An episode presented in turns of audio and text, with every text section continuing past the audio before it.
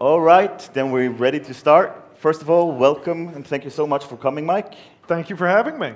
So you've been here for a week, right? now? Yeah. Yeah. Enjoying Yeah, it. last, last Friday, we, uh, my wife and I arrived last Friday. Um, we've just sort of been touring the city, uh, visited a couple of breweries, a, a couple of great beer bars. Um, I've got to say, huge fan of the city so far. People have been terrific. Um, bartenders at almost every bar have struck up conversations and poured us samples of things, and um, the breweries have been fantastic. Uh, it's it's been a lot of great beer. Food's been good. Um, yeah, really really enjoyable trip so far. And then tomorrow morning, I'm taking the train down to Drammen for the uh, the the homebrewers uh, conference festival weekend, whatever Nice. it is. Really nice. So, I mean, just start up like, how did you get into crazy world of sour beer and then became like sort of the reference for modern uh, mixed fermentation brewing, you know? Good timing. Um, I, I started homebrewing in college about uh, 10 or 11 years ago. Uh, my, my college, Carnegie Mellon in Pittsburgh, Pennsylvania, uh, had a class called Beer Brewing and Appreciation. And um, there was something, I don't know what it was. I'd, I'd been interested in homebrewing a little bit. Um, I'd seen the, I don't know if you guys have Good Eats here. It was a Food Network show with uh, Alton Brown. He had a really terrible homebrewing episode. He said he was dry hopping the beer and he had hops at the whirlpool. He cooled the beer by adding ice to it. It was a, a real example of what you should not do, but, but in 20 minutes got me interested. I'd, I'd always liked cooking, and this sort of seemed like um, something fun to do. I, I liked baking bread, but when you bake bread, it, it's a lot of work and it's all this effort, and the bread's only good for about a day, maybe, and you freeze it and you heat it up, and it's still okay. Um, but what I really liked about brewing and the idea of brewing was that you put all this effort into a batch and then you have this beer to enjoy for a couple of months. Um, and, and one of the great things about sour beer is it extends that couple of months into a couple of years. I, I still have a few bottles of sour beers that I brewed maybe a year after I started, a year and a half after I started brewing that I don't know if they're still going to be terrific, but they're still hanging out. At one, one's waiting for its 10 year anniversary to get opened in September. Um, so I, I took this class, I graduated, this is my, my final year in college.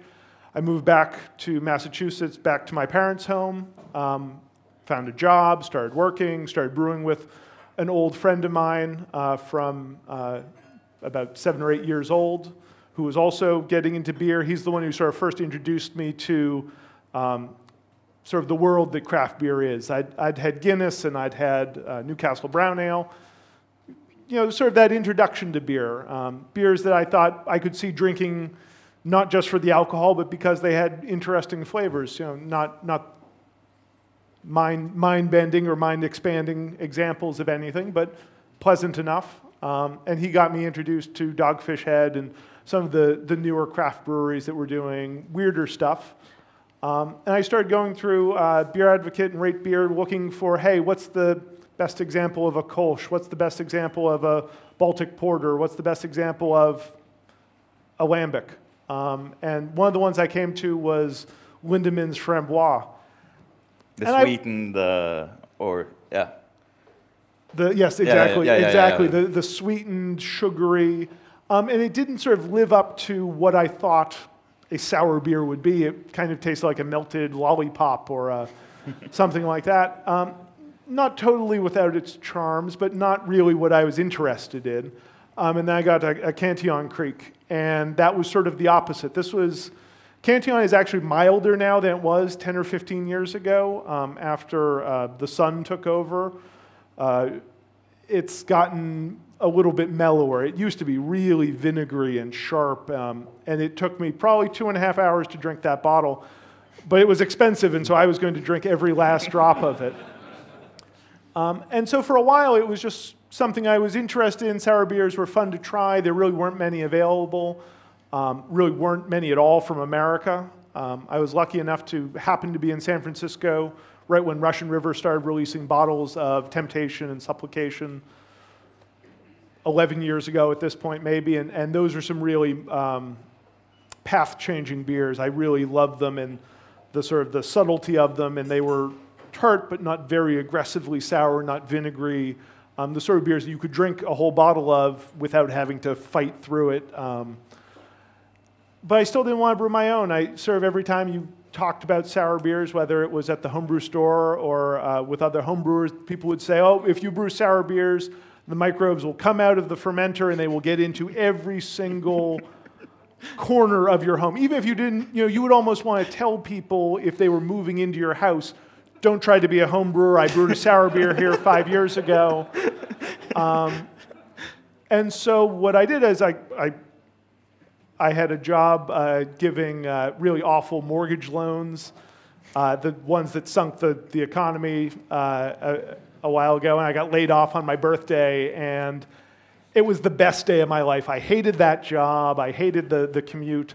Um, and I got a new job down in Washington, D.C., but I had a few months off before my new job started, and I said, I'll ruin my parents' house for home brewing rather than wherever I move. And I brewed uh, four sour beers, um, a beer uh, inspired by Lost Abbey. Uh, actually, at the time, it was probably Port Brewing's uh, Cuvée de Tomme, uh, which is a Belgian dark strong, a quad with cherries and Brett in bourbon barrels a Flemish red, uh, a lambic gueuze kind of thing, and then uh, English old ale with Brettanomyces. Um, Brettanomyces being British fungus, the, the original meaning.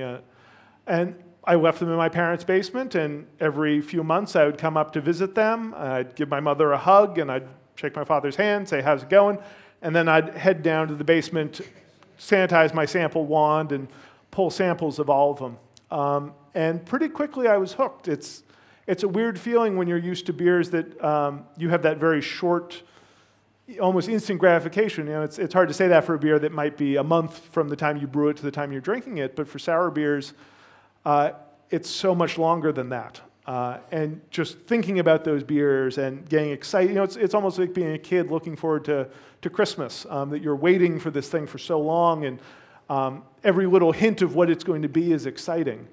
Um, and that really started. I started doing 100% Brett beers, and, and very soon after that, started the blog. And really, it just turned out to be this, this great timing thing where I got into it right at that moment when IPAs were just starting to be popular and people were doing imperial stouts and bourbon barrels, and a lot of people were looking for what that next thing is. What, where are we going to get new and interesting and different flavors? Um, and the answer, in a lot of ways, has been sour beer and the huge number of permutations and um, different ways that you can go about it, whether it's uh, beers that aren't sour at all, like 100% Brettanomyces fermented beers that are fruity and lively um, and play well with hops, to you know the bigger, darker, um, you know, Dolle Oerbier Special Reserva, 12% port-like, sherry-like sour beer that is tart but not, again, really aggressive or sour or anything like that. Um, and yeah, that's that was sort of what what got me um, started doing sour beers and and how I've gotten at least into into the uh, the subculture. Ah, that's really nice. And I mean, one of the how did you find out like this is the way we I can make these sour beers? Because when I was starting, I my first attempt of making anything funky was, as I told you earlier, a clone of Orval. Because I, first time I tasted Orval, I was like, wow, this is the most amazing thing ever. I don't under most beers I can taste them and I really quickly get a picture in my head. Okay, this is made in this way with these ingredients, this yeah. process. Yeah. But it was like one of the first beers I was like, I don't understand how this is made. This it's probably some spiritual religious thing you have to have a monastery and you know a connection to God. Uh, and I didn't know anything about Brettanomyces, didn't know anything about the, the bacteria, and I oxygenated the wort as hell because that's what I was pretty fresh to homebrewing. Um, and it turned really sour, uh, really acidic. Um, and after like three or four months, it became vinegar, and then I Googled, and then I found your blog.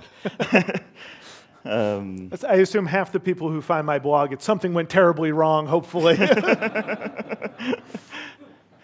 um, yeah, no, so it's, I, I uh, read um, Jeff Sparrow's Wild Brews, which was uh, sort of focused on the Belgian tradition, but had some mentions of Russian River and Port Brewing in New Belgium and a, a few other American breweries.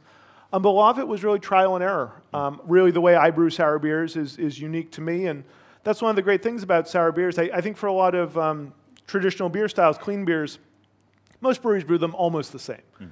The, the sort of the tweaks are in the margins.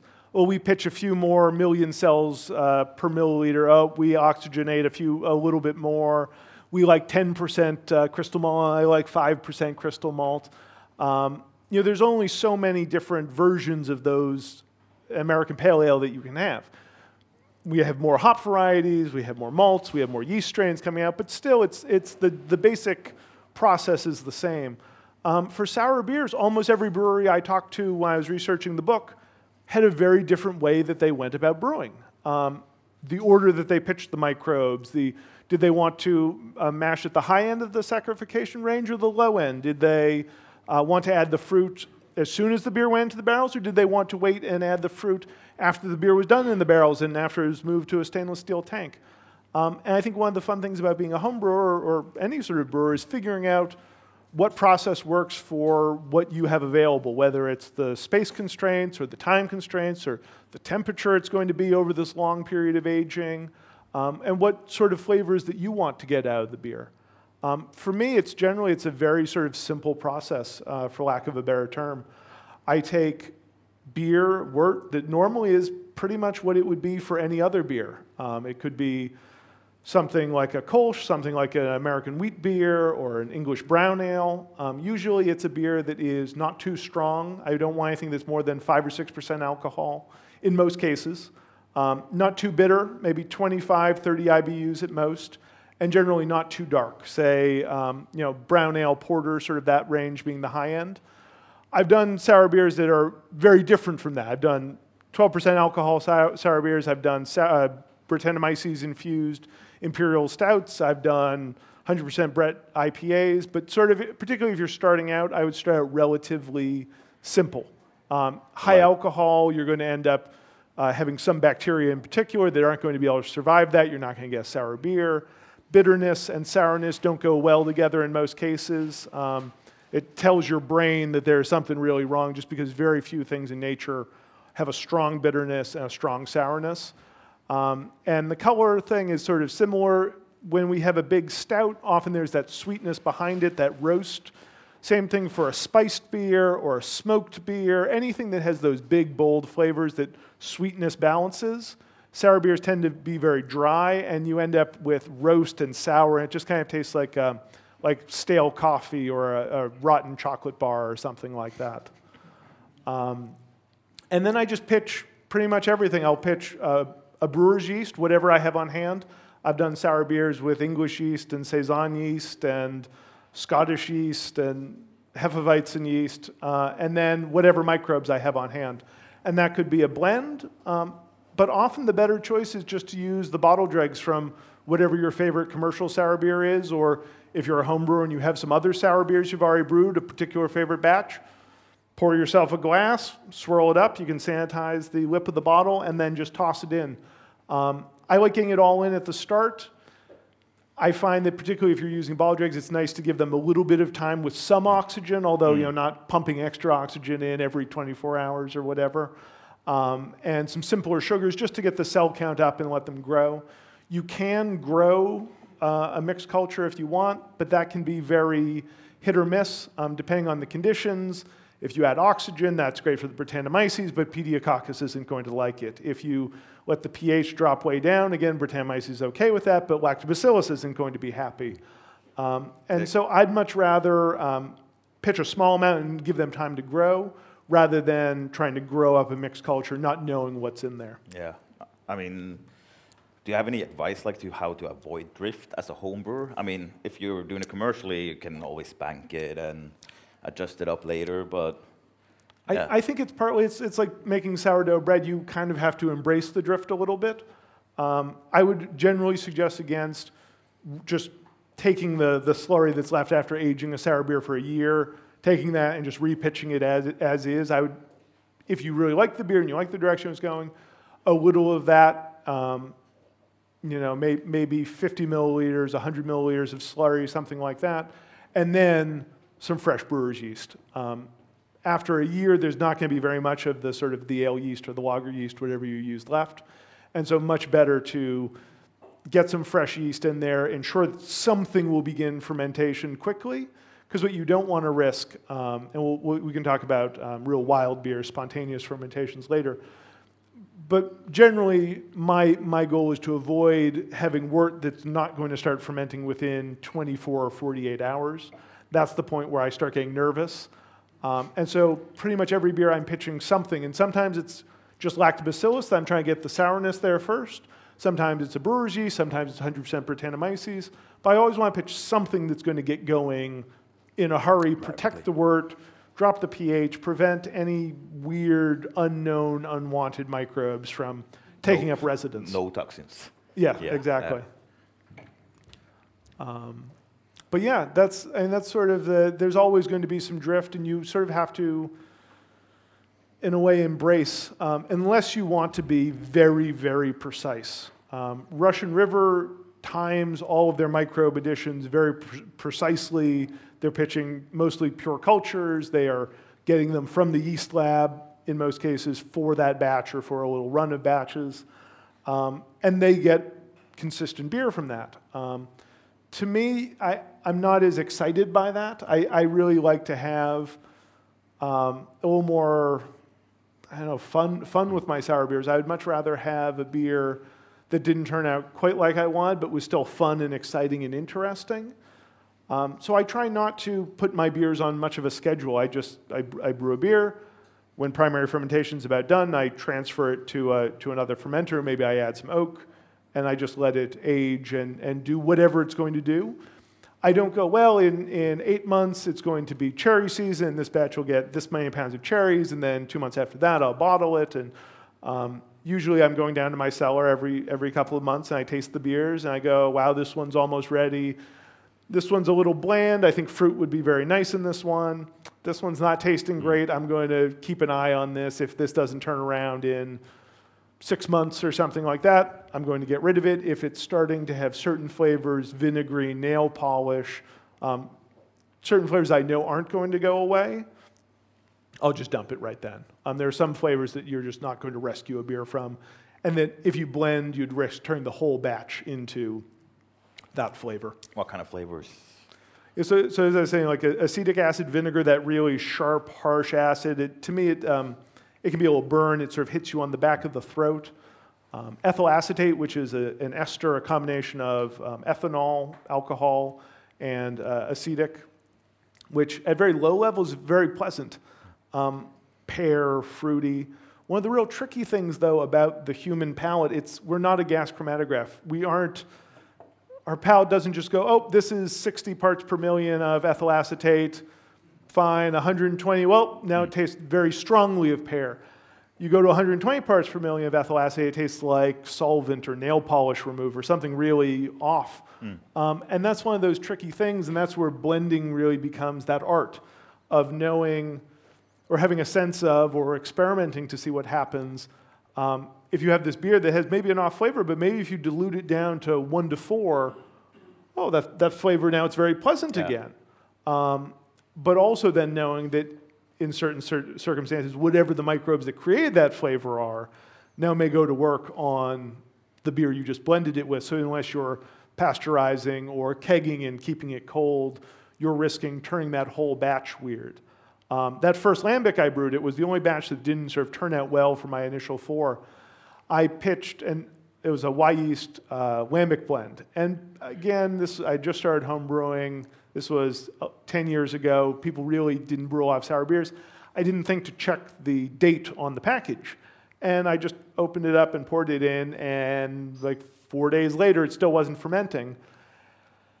And I got a little bit worried but I went, well, you know, lambics, that's part of the lambic thing. You know, you read, you read these traditional lambic things, and they say, oh, you know, sometimes it doesn't start fermenting for a week. And I said, fine, you know, and it, it tasted kind of um, piney, almost resiny. It just, it's not a flavor I've ever tasted in a sour beer. But I, when I, after a year, it, it, it had nice sourness, and I, I had another beer that was a little under sour, and I, I took a gallon and uh, four liters of it and blended it in, and blended a four liters of the other one back over, and both were pretty good. and the beer was pretty good for two or three months, and then that piney flavor kept getting stronger and stronger and stronger. I don't know what microbes those were. I still have bottles of it. Last time I opened, I dumped most of them maybe two years ago, but I saved a couple. Um, but every time I've opened one, it's, it's been that flavor. I don't think it's going away. It's sort of a solventy, like a, like a pine scented uh, floor cleaner kind Yeah. of thing. Wonderful. So I'll, I'll talk just sort of generally about uh, w- when you hear about sour beers, you're going to hear some flavors that sort of sound unappealing. Horse blanket is a classic one for Brettanomyces, um, or is the, the weird Chinese knockoff version of my book called it Stallion Cover. I really, I, I don't know who, who made this book. They just sort of took the book and they ran it through some sort of like machine language transfer thing. Every time I said beer, it said lager. Every time, but that's but stallion cover really stuck with me as a good a good creative use of language. Um, so when I when I say funky, and that's sort of a, a common descriptor, to me, funky is any flavor that a little of it is nice, a little complexity, um, a, a little uh, hay, a little barnyard, a little blue cheese. But if you had too much of it, it would be offensive. Um, so you you want a, a note of these things as the beer's warming up, as you're, you're picking out a little something behind the more um, fruity, accessible, fun flavors. Um, and that's, that's those sort of Brettanomyces flavors, the sort of the weirder phenolics. Um, and they aren't all good. Some of them can be band-aid or medicinal or um, disinfectant or, or these sorts of things that, um, to me, even a little bit is not pleasant, but some of the other ones are nice, a nice complexity in the same way that, you know, a, a cheese with a moldy rind might have a little damp basement or a little uh, moldy kind of flavor. The same sort of thing in a beer, again, at the right level, in the right combination, can be very pleasant. Um, uh, that sort of got me to think about uh, what is your experience with when you're talking about funk? Um, 100% Brettanomyces fermentations versus co-pitching with Saccharomyces. I mean, It's uh, weird. It, it amazed me the first time Yeah. I yeah sort of was touching into the subject. Yeah, 100% Brett is a really fun way if you're interested in something that's a little bit of a quicker turnaround time and you don't want those sort of bigger, funkier flavors. Um, the trick with 100% Brettanomyces is often technical. If you buy a 100% Brett pitch from White Labs, you got the tube, and the normal, the normal tube is, you know, like half filled or something with yeast. The Brett ones are this little dusting on the bottom. Um, and it's just the right amount if you're pitching it with Saccharomyces or you're pitching it um, after primary fermentation. It's about 3 billion cells. Um, and if anything for Brettanomyces, you want to pitch a little bit more than you would for an ale yeast, maybe one to one and a half million cells uh, per milliliter per degree Plato. So, like, not as much as the lager, but a little more than an ale yeast. Um, if you're repitching uh, from the same batch, I hear that's not very popular here, but um, what's the risk? It's not going to get infected. Uh, you, you can go a little bit lower than that. Um, it's tricky. I, I've yet to fully get a perfect explanation of why this happens, but when you pitch Brettanomyces alone, it is much fruitier, much brighter, much less of that horsey farmyard, barnyard sort of flavor. Um, with some strains, those flavors will come up eventually, but honestly, for most 100% Brett beers, um, three to four weeks is about all you need from brewing until it's ready to, to bottle or keg. Um, one theory I had going was that uh, because brewer's yeast, particularly Belgian strains, produce phenolics, um, particularly uh, 4-vinyl guaiacol, some of these, the clove, the pepper. Um, and I know that some of the compounds Brett produces are based on that. They'll take, so brewer's yeast will take ferulic acid, which is um, in both wheat and in um, barley malt. It will convert to this clove or pepper flavor. And then you'll notice if you ever do like a, a Hefeweizen and then pitch Brett, not only uh, will that clove flavor fade away, but at the same time you'll get more of those funky, earthy kind of flavors. Um, will also break down isoamyl acetate, the banana flavor in Hefeweizens. Um, and so my theory was, hey, this has got to be part of what's going on, that the brewer's yeast is producing some phenols, and then the Brett is Metabolizing that and yeah. Exactly, change them into something else. Um, it was interesting. Uh, Lance Shaner from uh, Omega Labs actually did an experiment on this, and he found that that in fact does happen. Brettanomyces does break down the, the 4-vinyl guaiacol, but the amount of 4-vinyl guaiacol and the amount of uh, 4-ethyl guaiacol, which is the product, the 4-vinyl is very small and the 4-ethyl is very big, and it really doesn't seem to matter that that's going away. That might have a small role to play. Hmm. Um, so it, it, may be something to do with um, when it doesn't have the simpler sugars available, then it sort of resorts to these sort of um, more difficult sources of energy. Yeah. It's, it's unclear, but and one of the things about brewing is even if you can't explain it scientifically, it happens. Um, and we, we were talking about um, traditional Norwegian farmhouse ales. And you know, sort of that, there, there are different kinds of brewers. And there are some brewers who do something because a textbook or, or a scientist says that this is what happens. And then there are people who go, well, yeah, I know if I, if I aerate my beer, it's going to get too sour, the hop flavor is going to fade, or I don't need to know the chemical pathway that makes this happen. I just know that that happens, and so I'm going to avoid it. Um, and so uh, with, with 100% Brett beers, um, Chad Yakobson, who runs uh, Crooked Stave uh, Brewery out in Colorado, um, did a lot of work on this. The first one I'm aware of being brewed was uh, at Port Brewing. It was a collaboration with Peter Bouckaert from um, New Belgium. He was the old head brewer at uh, Brewery Rodenbach. He's sort of the, the godfather of sour beer in America. He sort of helped a lot of those early breweries get their start and push them in the right direction. Um, and they, they did a beer uh, called Mo Betta Bretta that I got to have the rebrewed version of, which from everyone who had the original one said that the original one was so much better and just like pineapple juice and, and really weird, mm. exciting flavors. Um, but exactly why that they're so different, I don't know. No. But thank goodness it is, and yeah. thank goodness somebody tried it. Because I, I remember both the first time I tasted 100% Brett. I mean, I mean, you you have this, especially if you're introduced to sour beers through the Belgian classical styles, because then you have all these oxidized, uh, yeah, the funky, the horse blanket, yeah. all of that. but when you taste this 100% fermentation, then it's it's really clean. Yeah.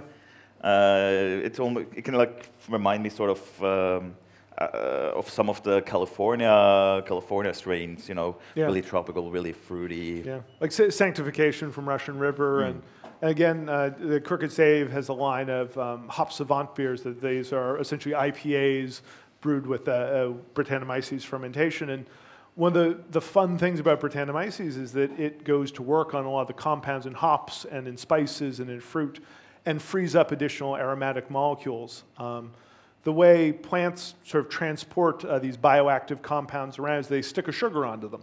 So it's uh, glycosides. So essentially, you know, a plant has a, you know, the roots or wherever it's producing this compound that uh, uses as an insecticide, say. Um, and the advantage for us is that it's citronelle and it's actually a citrusy aroma.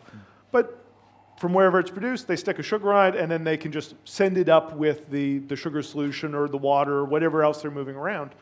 Um, the problem is this sugar molecule attached to it makes it so that aroma molecule really doesn't have any impact for us. It's trapped it, it's made it water soluble.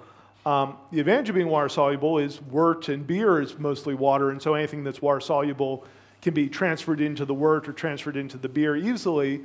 Um, and what Brett does is it actually wants that sugar and it produces an enzyme, uh, beta glucosidase. It's the same enzyme that allows them to eat cellobiose, which is wood sugar, or lactose, milk sugars. Um, it ferments off that sugar and then it releases the aglycone, the, the aromatic molecule. Um, and so sometimes you have these 100% Brett IPAs that they taste like something different. They don't taste like they have that raw, fresh, you know, you've just opened a bag of hops and stuck your nose in sort of aroma. They have a big pineapple aroma, or they have a big passion fruit aroma, or they have, it, they sort of lose that green, grassy kind of thing that a really fresh IPA can have, and they get their a real unique, interesting flavor where it's what I like. It's you can't quite tell what's the Brett and what's the, um, the hops. And it's tricky uh, with, with um, people who don't know what these beers are because you give them the beer and they say this is a very good hoppy beer. Mm. Where's the Brett? Where's the funk? yeah. Where's the horse blanket? Like, that's, uh, it's all it is. It's just Brett. Yeah, as uh, someone mentioned uh, earlier, like um, I had a American Wild Beer sort of inspired beer at the yeah this uh, homebrew competition, Yeah. and the responses was really mixed. Like a lot of people came up and said like, "This is the most amazing beer I've tasted there," uh, and He's a uh, humble man, isn't he? Yeah. uh, and uh, and the rest was like, "What is this? This is this is not a wild beer." Yeah. Like, uh, what kind of scam artist uh, are you? This is not funk. Um, so, uh, so It's- yeah, it's definitely. tricky, and, and I think now as more and more breweries are producing them, and most of the bars I've been into have had at least one sour beer on tap. It, you know, people are starting to, I think, see that, you know, in the same way that no one talks about clean beers as if they're one thing, sour beers aren't just one thing. They, there's a huge range from light to dark, strong to, to, to sessionable, hoppy to not hoppy, fruity to funky, and then, you know, all those, all those combinations in between. Yeah. Uh, we were talking a bit about, we were like almost talking about some uh, spontaneous fermentations. And since we're talking about biometabolites, I mean, that was my first really experience from that. Something can smell like poop, death, you know, the plague. Yeah. Uh, and then uh, six months uh, later, then it's like, wow, tropical, uh, Yeah. pineapple, uh, yeah. Oh, and, and sometimes the, it's, it's not um, two separate things, it's one is because of the other. Often uh, with spontaneous fermentations, part of the interest is that you get these microbes that are local to your area and maybe that they have particular flavor profiles. A lot of it, though, is that many of the microbes that are at work very early on in a spontaneous lambic and a gueuze um, are long dead by the time you get a bottle of it. So even though you're pitching the microbes that were in there at the end, those microbes may not be responsible for the full range of character you get in there. Um, I've, uh, I'm, I'm friends with um, the guys who run uh, the Yeast Bay out in California, and I've sent them a couple of sort of older beers that I really like, uh, commercial beers that I've wanted them to get the microbes out of them and send them back to me. And the problem is that they get these microbes out and they're only good for about 40 or 45% attenuation. And the only thing I can think of is that th- these microbes are the ones that were active so late in fermentation. There's no maltose that's been in a lambic in, in three years if, if it's in a bottle and blended. And, um, but these are the microbes that are active on all those other compounds, whether it's the sugars that the brewer's yeast releases that dies, whether it's the hop compounds or the wood compounds or the fruit compounds. Um, it's sort of the, the leftovers. Yeah. Um, but what you're then missing out is those microbes that were only active for, say, a week or two at the beginning of fermentation. Uh, the oxidative yeast, the enteric bacteria, and there, there are some nasty microbes in there. But what they do is they release uh, fatty acids. And, and Wild Brews has this terrific chart of um, the, the analogous uh, acid to ester. And reading the descriptions is so funny. It's okay, oh, if you have capric acid, it smells capra like Capricorn goat. Oh, great. You know, that's not something I want in my beer. Well, if, if Brett adds a molecule of ethanol to them, it becomes ethyl caproate, that's pineapple. And, you know, it's just, this list is just, you know, a goat, waxy, barnyard, zoo-like, sweaty. And then the esters are like pineapple, juicy fruit, tutti frutti, peach, you know, and sort of down, down you go. Gua- uh, um, butyric is another one of those. Butyric is like um, a very small amount is like Parmesan cheese, that sort of um, earthy. It's good, but you know, there's sort of a little weird edge to it. But too much is like vomit. Um, this is eh, this is one of those things where it's it's is it's awful. But if you molecule ethanol, guava, fruity, tropical deliciousness. Um, the trick there, though, is always that if you get too much, Brett's not really terrific at converting it. It's not going to get every last molecule of butyric, so you might end up with, hey, I just vomited some guava as the, you know.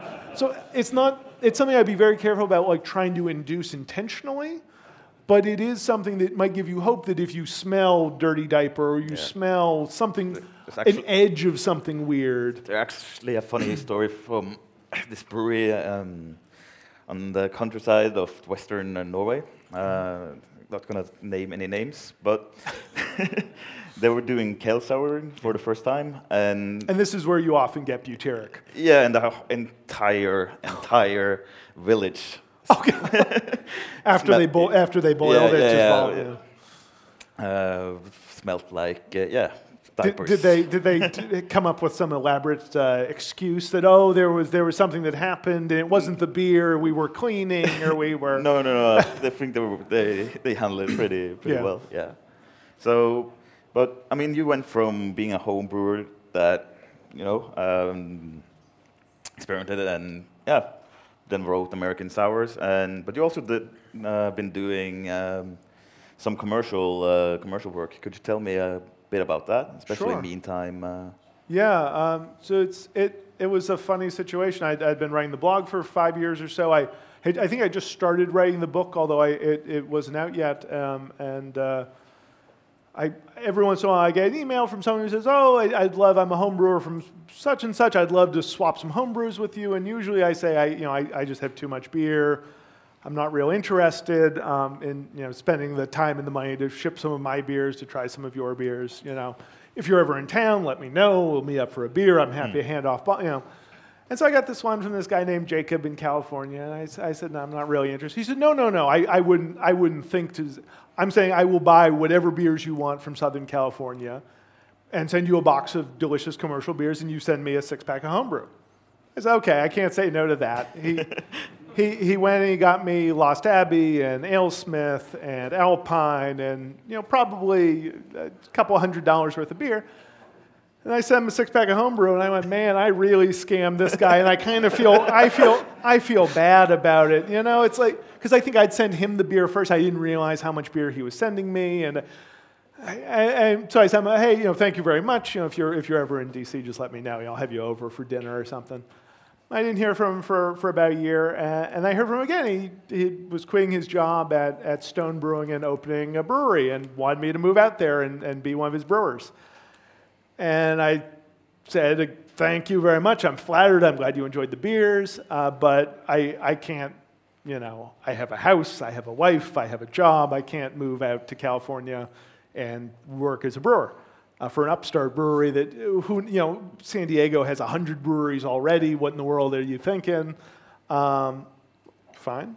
Why, why don't you help us out, develop some recipes? So I, I started brewing some test batches. Uh, and then when they were getting ready to open, he said, hey, why don't you just come out for a couple of months? I got a leave of absence from work. I went out to San Diego. They got me an apartment. Uh, and I spent that first summer at Modern Times just growing microbes. Um, they had a little 20 gallon system that I was brewing on and just writing emails to bootleg biology and East Coast yeast. Uh, and I, there's even a guy in, uh, in Sweden. I'm now I'm trying, I think it was Sweden. oh yeah, uh, sacrilegious. uh, yeah, yeah, yeah. yeah. And, and getting bottle dregs and just growing up everything I could. Uh, and soon after I left, they brewed sort of the first two from my, my, uh, my recipes um, a sour brown and a sour red. It just sort of has taken off from there. Um, luckily, uh, they've hired real good, real talented people. Um, Andrew Schwartz is sort of running the sour program at the moment. He uh, was at Ithaca Brewing when they were doing Brute and Le Bleu, some really terrific sour beers.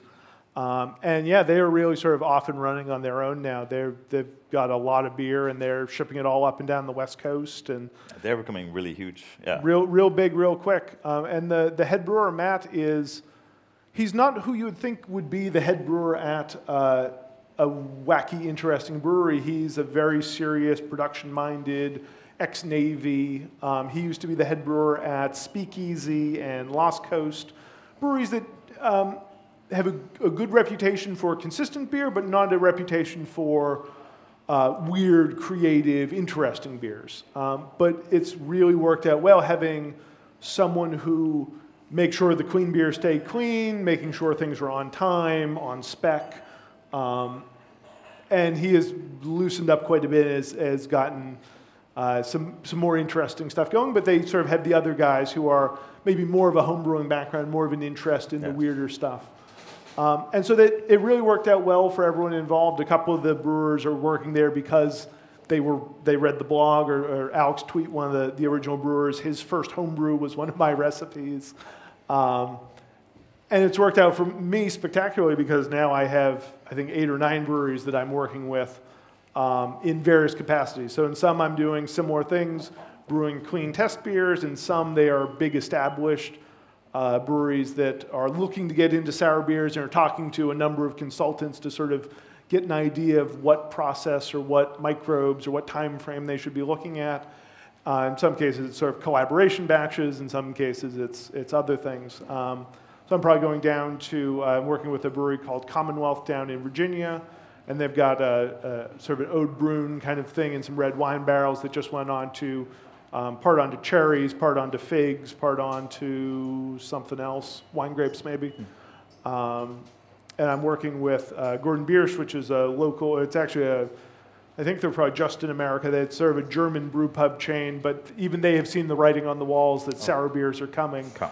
Uh, they, this, this particular location won a, a, a gold medal for a Gose a couple years, Goza a couple years ago, and now we're doing a Flemish Reds. That's Yeah. the first sort of true, non just kettle sour. I thi- I think that's that- that's that's like the progression, uh, you know, that because uh, I- I've seen I've seen this both in the homebrew community and in the commercial commercial scene. That uh, like three years ago, uh, when I worked at uh, this place called Bruxelles, very few people were buying any Brettanomyces Yeah. because you know, as you said, you have to burn down your house and yeah. You don't have to burn down your house. Um, and uh, and it's just been pick, pick, picked up, and you know for the last two years, I mean almost almost all the craft breweries have done you know Goeses, Berliner Weisses, Kettle Sours. yeah. Uh, but there's still still a lot of uh, skepticism about yeah doing uh, both clean beers and doing Brettanomyces. Uh, have you could, could, could, ah, talk a bit about like the, how do you avoid cross contamination? Can can you brew both clean beers and and funky beers? Sure. Um, you certainly can. Um, and there certainly are risks involved, whether you're a home brewer, and that's maybe a little less risk than a commercial brewer just because it's just home brew. If you have to dump a couple of batches, that sucks, but you're not going out of business. You're not you know, lo- losing your brewery as a, as a result. Um, but commercial scale, they're also a little bit better equipped to deal with it because they're using really harsh chemicals. They can do heat recirculations. They can do you know, pasteurization, all those sorts of things. Um, as a home brewer, I think the best practice is to have two separate sets of equipment. For me, it was easiest just to hang on to my old clean gear.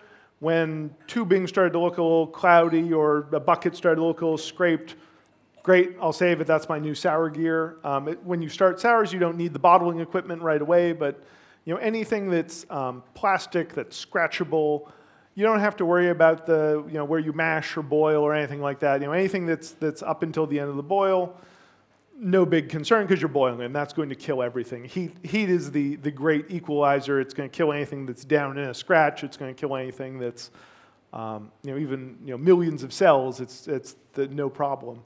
Um, but after that, I, I think it's best to have all your sour beers, all your Brett beers separate. Some breweries like Russian River have three different sets. They have clean beer, Brett, and Saccharomyces, and then everything, including bacteria. Um, for me, if you only have two, I would rather have the Brett beers be with the sour beers. I'd rather a beer that was funky, went a little sour, rather than a clean beer going a little funky. I think that's you know less less of a concern. Um, I've certainly had that both of those things happened before I started um, separating the equipment. Um, but yeah, there really isn't a huge amount of sort of special stuff you have to do. Um, the cleaning process that you're using now is designed to kill all these microbes. These aren't super resistant. What they are is it doesn't take many of them. Um, New Belgium did some experiments. Brettanomyces is terrific at scavenging oxygen. And they thought, that's great. We don't want our, our clean beers to be oxidized, so we'll just take a tiny amount. So rather than millions of cells per milliliter, we'll add 100 cells per milliliter. Doesn't, you know, that, that's a few, a few, you know, 10,000 cells or something a bottle, whatever it is. It, it sounds like a lot, but when you're talking about pitching rates and billions of cells, Yeah. it's, it's really not that bad. Um, but they found that the Brettanomyces made uh, its flavor known before they would normally get oxidation, so within a few months. Um, and that's one of the things for these microbes. Really, it doesn't take many, and, and they're adapted to um, ferment complex carbohydrates, and again, all those other compounds are available. So there's really not much you can do once they get in there, other than you know pasteurizing the beer or going with it. You know, if you have a beer that you know is starting to get a little funky or a little sour, and you want and you have the space to roll with it, pitch pitch the bottle dregs, pitch some known microbes, you know, give it the best shot it can. Um, but otherwise, you really don't have to worry too much about these things being airborne. Um, they can be sort of aerosolized if you have a real heavy fermentation going and it's, you know, the, the yeast is blowing off a blowout tube or forcing its way out of an airlock. That's other problems with that, but not, not something you want. Brett will get airborne, um, but for the most part, these are actually microbes that don't float in on the breeze, sort of as we talk about in, in the lambic brewing. Um, for the most part, these actually have come in probably in the barrels.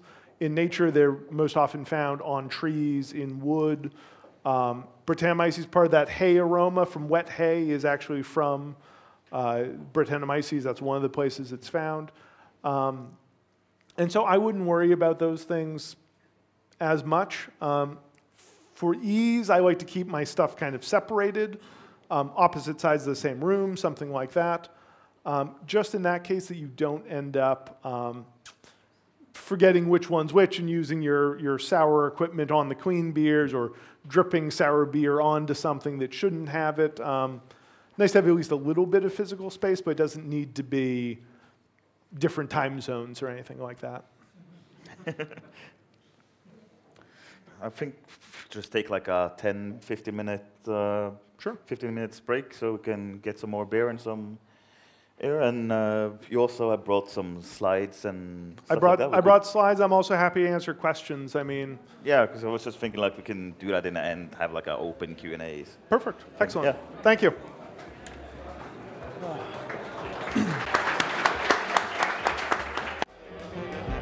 Da tenkte vi å starte, starte igjen.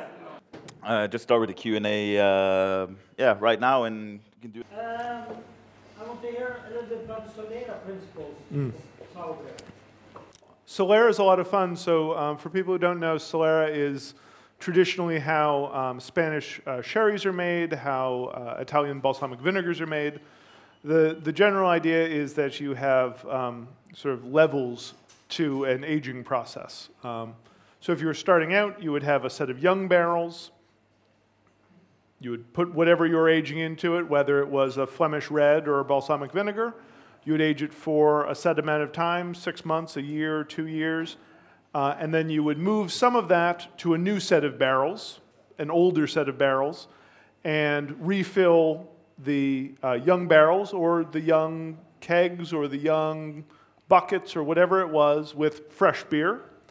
Um, and you would repeat this process. So as the, uh, the beers age, they would be some of the younger barrels are extracted, moved to the older barrels, and that could be two levels or three levels. Uh, and from the last uh, set, you'd blend and, and bottle or keg or whatever it is.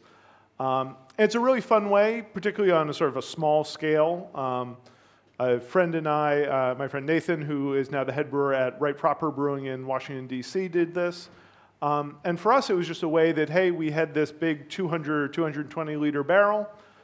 We don't need that much beer, that much sour beer of one sour beer every year. So, what we would do after two really hard weekends of making half that amount, so about 100 liters, um, and that involved boiling four separate kettles and a giant mash tun. Uh, we finally got filled, and we didn't want to have to deal with that again. So every year, what we'd do after a year, year and a half, would be to take out um, about uh, 100 liters, uh, and we would split that four ways. We would normally have about uh, 20 or 25 liters that would just be plain, just as is, an equal amount that would go on to some sort of fruit in a, in a carboy, similar amount dry hopped, and then a final one that was just sort of a um, whatever we felt like at the time. We did a squash sour beer.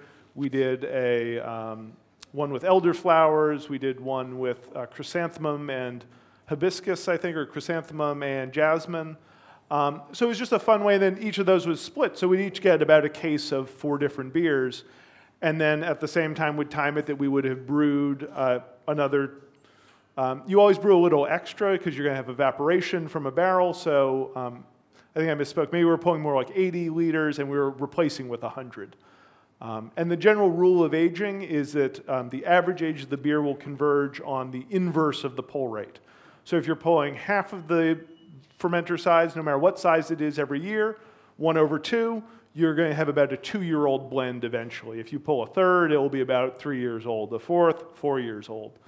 Um, and so it's just a fun way that you can get this sort of ever evolving blend. It's not going to be the same. Um, it's probably going to get you know, more aged as time goes on, so probably more sour. Um, for us, the, the risk is always, particularly in a barrel, as oxygen slowly moves in, you're going to get a little more vinegary, a little more sharpness.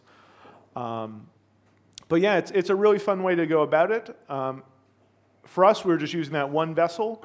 For other breweries, um, it's more of a, a, practical consideration. So, like New Belgium for their sours, uh, like uh, La Folie, they just out of ease leave about 20% of the volume of these big foeders, these big oak tanks, um, filled, and then they refill. Um, and for them, their process is that they always have uh, some beer that has been fermented out already clean by a primary yeast, and they've often inoculated with a little bit of lactic acid bacteria that's ready to go. So anytime the beer is ready to uh, package or blend from the foeder, they have replacement. Oh. Dead. So now we have enough battery for 10 hours with more questions. Um, so as I was saying, Solera can, can be all sorts of different things. So New Belgium uses it uh, in that way where these foeders get aged, and then, but then they're doing more blending after that. Um, for other breweries, um, Cambridge Brewing is a little uh, brewery outside of Boston that's been doing sour beers now for almost 20 years. Um, they have a much more traditional, they have two sets of barrels. So um, fresh beer goes into the youngest barrels, youngest barrels go into the older barrels, older barrels get blended and, and packaged. Um, and for them, they just don't have a lot of space, and this is a way for them to get a relatively consistent beer and a decent amount of it because um, otherwise it's just a lot of one barrel projects, you know, something that ages a year or three years or four years, and you know, then it's just one keg or two kegs, and it's gone relatively quickly. And so this gives them something they can get, you know, 10 kegs out of, and they can then have a sour beer that's on for at least a few months before it runs out. Um, and if you're Italian, you can also claim that it's uh, like 10 years old if the like oldest part is. If the yeah. oldest part, yeah. Yeah. And that's and you can and that's sort of marketing or not. You know, with some of these old cognacs that they claim some of the cognac is from 1727 or whatever. By now, honestly, I mean just the, the compounding math. If you take half the molecules, half the molecule, pretty after about 100 years of 50%, you lose that last molecule on average. So it's um, even I guess technically the memory of the molecule is, you know, the, the, even, I mean, there are trillions of molecules in there, but very quickly when you take half out every year, they, they go away. And in a lot of those cases, they're probably taking more than half. Yeah. You know, as long as you leave a cup in there, there's a little, you know. Um, but yeah, no, it's, it's a really fun concept, and, and you can either use it to, for consistency, or hey, if you've got three gallons of um, this cherry sour beer that's too sour and something that's a little too oaky, mix them together, you know, bottle half of it after six months and go, okay, well, you know, I'd like to see this if it was lightened up a little bit. Okay, blend in a pale sour. Oh, you know, hey, I went a little too far. Maybe I'll blend in a brown sour to, you know, have it be a evolving, um, you know, project that, you know, every pull is a different beer and, and isn't intended to be the same. Just a fun way to use up a little extra beer um, you know, say you, you're racking a beer onto fruit and you only have enough space for um, 15 liters and not the full 20. Hey, take the extra five liters and, and do, you know, put it into something else if you think the flavors would mesh well. Um, I, I, have a lot of those sort of little weird side projecty beers that either go on to, you know, some sort of fruit that I couldn't get very much of. Um, amazingly, my parents around Christmas still had prickly pear cactus growing in Massachusetts. I got half a pound. It just seemed it was a, a quarter of a kilo, um, not a lot, and so I just put it on to like two liters of beer. I'll see what happens. Um, I just got some mango. I'll see what happens. You know, a lot of those sorts of things that uh, as a homebrewer you have that freedom to try out something, but it also means you're going to end up with some sort of leftovers. Um, I, I, always try to leave a little plain, but having a Solera going is a, another great use for sort of extra beer. And so, yeah, as you said, also a nice base for just blending. Yeah. Because, yeah, let's talk a bit about blending. I mean, I think that's the key to make great sour beer, at least. Oh, that's that's certainly if if you want consistent sour beer, blending has to be part of it. But I'll also say that you can make very good sour beer most of the time, just if you have good process. Um, generally, uh, very good blenders. They're not working from five beers that don't taste good individually, and they're you know fitting them together to make Cantillon Gueuze. they've got they've got ten beers that would all be very good, but wouldn't be the same very good. Some are going to be maybe a little bit more sour, a little less sour. Some will have a little more funk, some will have a little more fruit. And hand in hand with blending comes choosing which ones are blended and which ones get fruit, or which ones are the reserve that's on its own and which ones get dumped. Um, no matter how good you are at blending, you're not going to be able to use up every drop of every beer. And uh, sometimes, as a homebrewer in particular, it's, it's about self editing and knowing which ones aren't very good. Um, for me, it always helps to blend if I have more than just me sitting there. Um, it's also a good way to trick your friends into doing some free labor for you. Um, invite them over, pull samples of all the beers, and just taste the beers as they are. Um, and this is the sort of thing that starts a few months earlier. Hopefully, you've brewed a little range of beers. You know, certainly you can, you can do the every year I brew a lambic, and then after three years I make a gueuze. The problem there is you only have three beers. I mean, if, if you're brewing a couple of lambics and you really have a, a plan, um, but I would very much you know, encourage you do some without oak, some with oak, some with uh, bottle dregs, some that are very dry and clean but not very sour. You know, something you could reduce the sourness with. Hang on to a beer that's way too sour but has a nice clean lactic acidity, something that you can use just to dial up the acidity if you need it. Um, you know, having this real sort of range of beers, and, and not that any are good or bad beers, but that they are all well made and just you know sort of different points on that spectrum. Um, taste all the beers. Really think about you know what flavors you like, what flavors you don't like. Is there one beer that's sort of almost there and you just want to tweak it with some other additions? Or are there two beers maybe that want to serve as that base? You know, one that's a little fruity and one that's a little funky? Or, um, you know, try to do it very intentionally. Um, and you can start out just, you know, keeping light notes, but, you know, figuring out which beers kind of fit together. But as you start approaching that, hey, I'm getting kind of close to what I want, you really need to start measuring exactly how much beer you're, you're pouring and making precise notes. Because there's no worse feeling than going, oh man, you know, try this. Oh yeah, that's perfect. That's it. Okay, what's in there? Well, I, it was two parts of that, one part of that, and then I took a sip, and then I add a little more of this one and one of those two, and because um, the idea here is not to get the best beer in the glass, it's to get the best beer into the bottling, you know, process. Um, I find the easiest way to do weight is by uh, weight, uh, the easiest way to measure beer is by weight. Um, I have a little scale that does measurements in grams, and so it can do say a 50 gram blend, and then it's an easy percentage wise, you know, 10 grams means 20%, what, what have you. Um, you can do it by volume in a graduated cylinder. The problem there is often beer foams up, and it's not, it's just a little bit trickier, I think, um, to, to handle it that way. Make your blends. You know, hopefully everyone at the table is making their own blends, figuring out what works for their palate, what works, um, you know, sharing it around. Uh, and once you get that done, hopefully you've got a situation where you've got maybe two or three different blends, you know, that different people like different things, and maybe someone's going to focus on a different beer than someone else. Um, you have to just do the math out, make sure you have enough beer to do all these blends at the percentages you want. Again, I like to leave a little bit plain if I can, or if you have a little extra, you can bottle it plain, or you can just hang on to it maybe in a couple of bigger bottles and save it for another blending opportunity um, down the road, or maybe one of those is going to be good with fruit, whatever. Um, and really, the, the trick here is that there's no way for me to explain in words how the choosing goes. I mean, you, it really comes from going to events like this and tasting really good sour beers and learning hey, I, you know, I really like this brewery, but I keep finding that brewery just has this flavor I don't, I don't care for. Um, and then you might have one of your own beers that goes, oh yeah, that flavor. I don't like that flavor. I'm going to leave that one out of the blend, and maybe someone else will love that beer, but um, it's, it's not for your palate.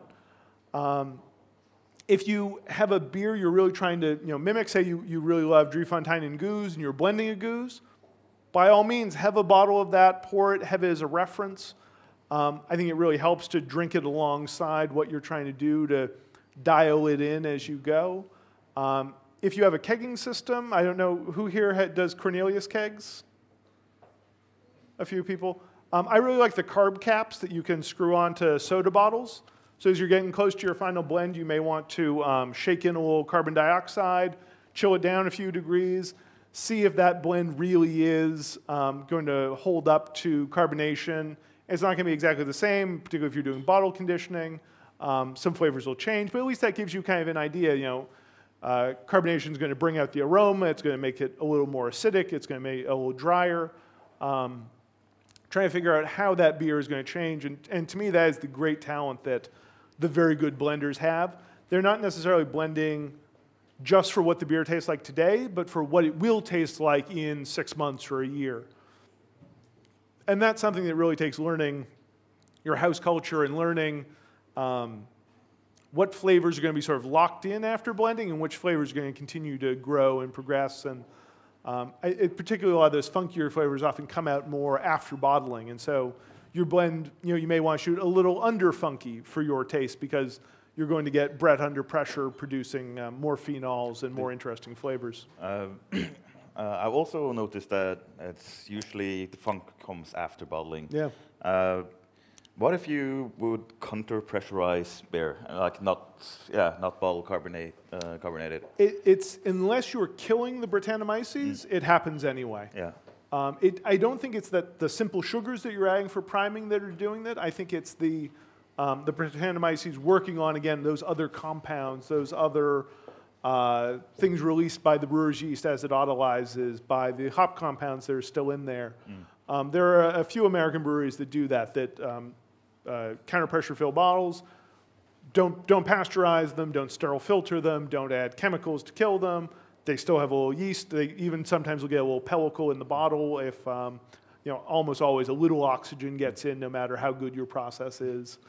Um, and so again, it's, it's, these are the tricky things. And, and there are some breweries, um, like New Belgium, that have taken the step to pasteurize their beer. And part of that is that they feel that they put all of the time and effort into aging the beer, um, blending the beer with a, with a panel, and to get it to exactly what they want it to be. And they would like you to enjoy what it is and not to hang on to it for five years and maybe it'll get better, maybe it'll get worse, maybe it'll get overcarbonated. Um, it gives them that freedom that they can blend in some younger, sweeter beer without having to worry about it overcarbonating. And that's, that's one of the big issues uh, as, as a home brewer or a small brewery is if you aren't, uh, if you aren't pasteurizing, you aren't killing the, the yeast, if you're blending in a beer that uh, maybe had a, a mellower strand of Brettanomyces that wasn't as aggressive, that didn't attenuate as much, you may end up with some extra residual carbonation. Um, my friend uh, Jeff Crane at Council Brewing took a post I did where I put together some sort of basic formulas on um, blending and, and, carbonating and made this terrific Excel spreadsheet that uh, you can take and put in the gravities of the various beers and the target carbonation, and it will uh, give you a suggestion for how much uh, sugar you should add, but then also what the final gravity um, will be. And, and, the general rule, it's, it's tricky. If, if it's all the same beer, the same wort that was uh, fermented with the uh, different microbes, you'd expect them all, once they're blended, to get down to the gravity of the lowest component. You'd figure that the Brett from the one that got down to half a degree Plato will take the one that's at two degrees Plato and get down to about half a degree Plato. That's not perfect, and again, it's a lot harder if you're dealing with blending a, a sour uh, imperial stout with a Flemish red or something like that. But it's, it's a place to start. Um, and that's, that's the thing with a lot of these beers and why you know, breweries sort of come up with a process that works for them is that they learn, okay, we can bottle it at this point, or we, we can uh, under prime it by this amount and pitch Brett, and we'll mm. get to the right gravity. Um, it's, it's tricky. And those, those are the things where I think brewing crosses over into being more art than craft, yeah. where, where you really have to understand what the goal is and what you're trying to do, and then how you're going to get about how, how you're going to get there. Oh, any more questions? Or any? Yeah, uh, I've been experimenting with the quick Cathy sours. I wonder if uh, you know if uh, lactobacillus responds differently to a high gravity wort compared to a low gravity wort. Sure. So, so The the question, question. yeah, yeah. So the question was, um, uh, does uh, during kettle souring, Mm-hmm. uh, is it any difference between the uh, between uh, high gravity wort and yeah, ordinary wort? Yeah, so uh, this is kettle souring has become very popular both for commercial brewers and home brewers. Just it's very quick. It's sort of like making yogurt. You you pitch a pure culture of lactobacillus. Um, a lot of people use a culture captured from grain. Personally, I've gone to um, using commercial cultures just because there are good commercial cultures available now. Some of those early cultures, like the White Lab 677 and the Wyeast uh, 5335, uh, just are not really aggressive strains. I think they were selected And for use in breweries and to make a little tartness. And um, but some of the new Brevis strains or the Omega Lacto blend with uh, Plantarum, very aggressive, very quick. Um, I actually have not yet soured a really strong beer uh, with Lactobacillus uh, kettle soured. I would think you'd be okay. Um, at a certain point, um, the osmotic pressure, just in the same way that for brewer's yeast, too much sugar, it becomes uh, hydroscopic. It's going to try to dry out the cells. But I would think for most, most um, kettle sour beers, you're probably not pushing, um, you know, 1080 or 20. Are, you- do are you guys gravity or Plato Uh, for the most part? Uh, gravity, Gravity. actually. Doesn't make any sense since we're using the metric system, but yeah, still.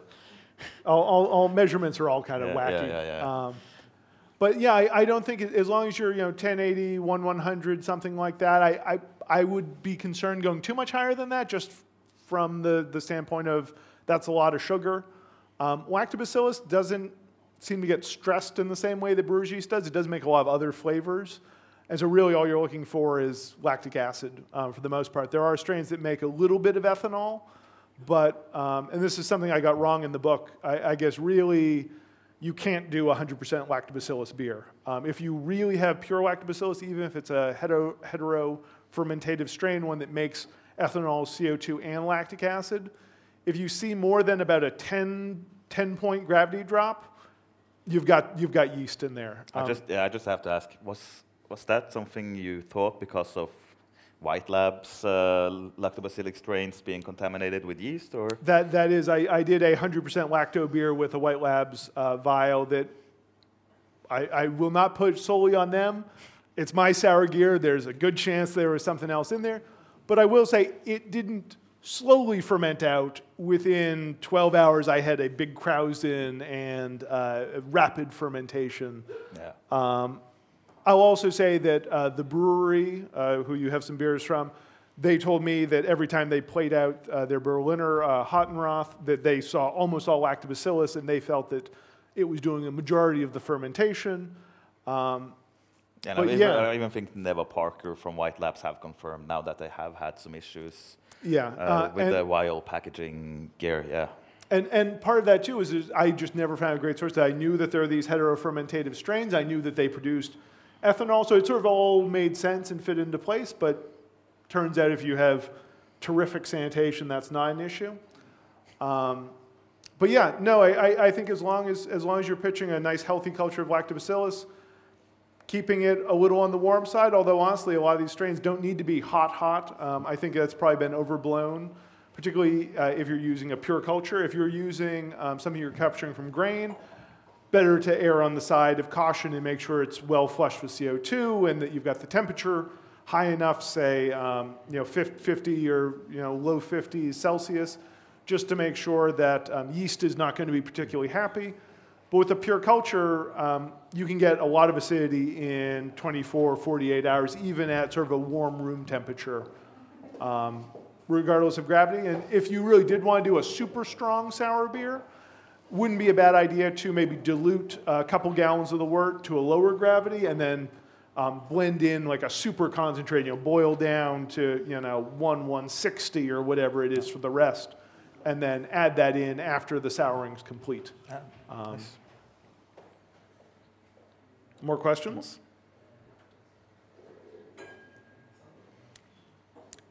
Um, oh, we got, we got What do you think about uh, mixed fermentation in plastic or I, I age most of my beers in plastic. Um, I use the sort of the plastic carboys. Um, I think they're uh, PET instead of HDPE. Um, I'm not a big I'm, I'm not really concerned about the material of the buckets. I'm concerned about the lid.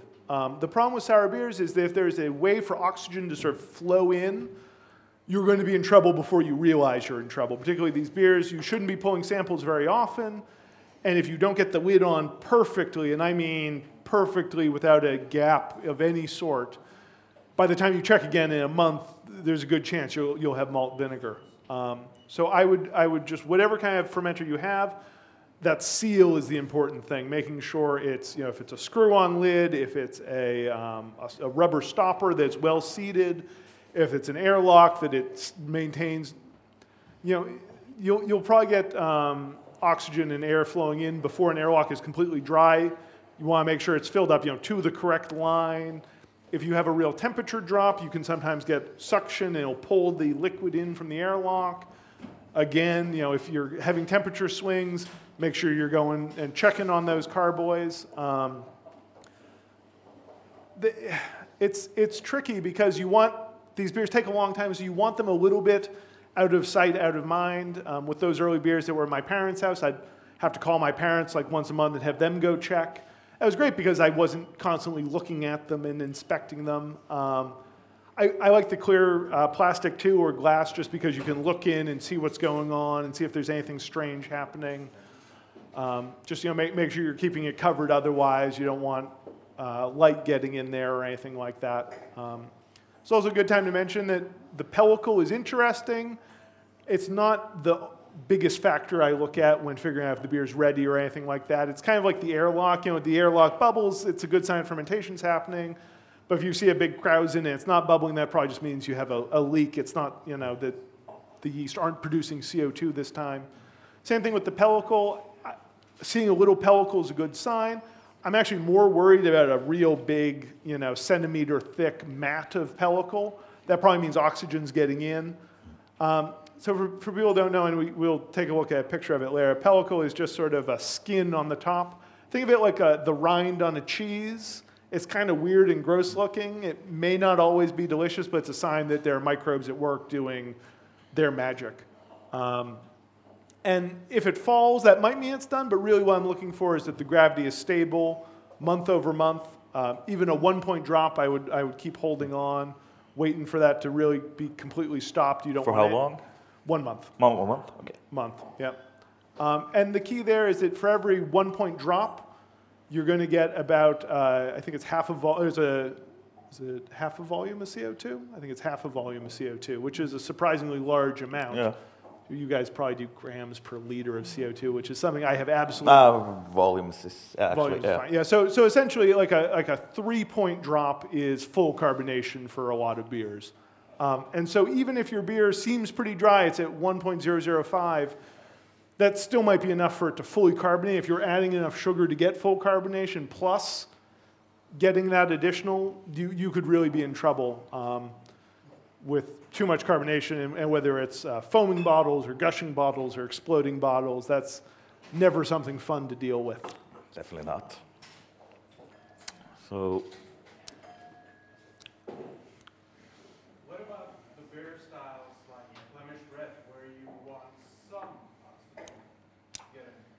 Sure. So the, the question was about Flemish Reds, where some oxygen and some acetic acid is a sort of a key part to the style. Um, to me, I wouldn't risk uh, opening up the airlock for two days to try to get it right just because it's so quick. What I would do would be to build this into your blending plan. So I would take um, two liters, four liters, you know, maybe 10%, 20% of the batch, and I would age it almost like you were making vinegar. I would take um, a growler or a, a four liter jug put the beer in there, not all the way up to the neck, you know, leave it down, uh, down where it's sort of a little wider. And then I would uh, take a, a, rubber band or tape and uh, get like a, a, cheesecloth or something like that over the neck so that oxygen can get in and give it a month. And taste it and it get real vinegary, real aggressive.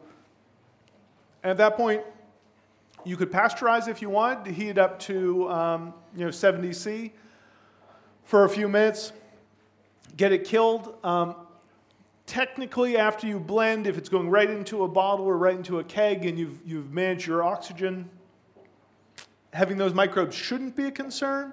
But as homebrewers, I think we're always introducing some oxygen, no matter how careful we are, no matter how many times we flush with CO2. Um, it's just, it's not a, a perfect system.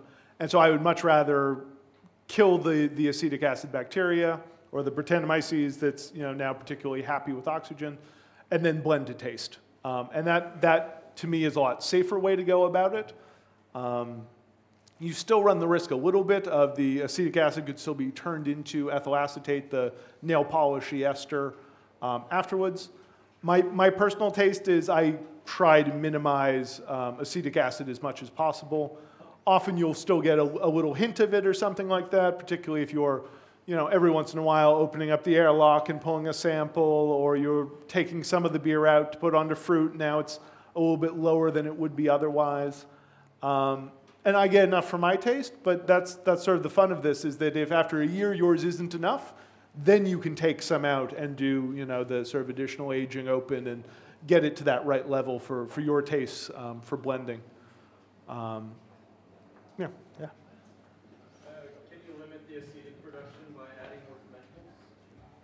No, sad, sadly. Um, Uh, so, question. oh, I'm sorry. uh, Can, can you limit uh, acetic acid production by adding more fermentables? Thank you.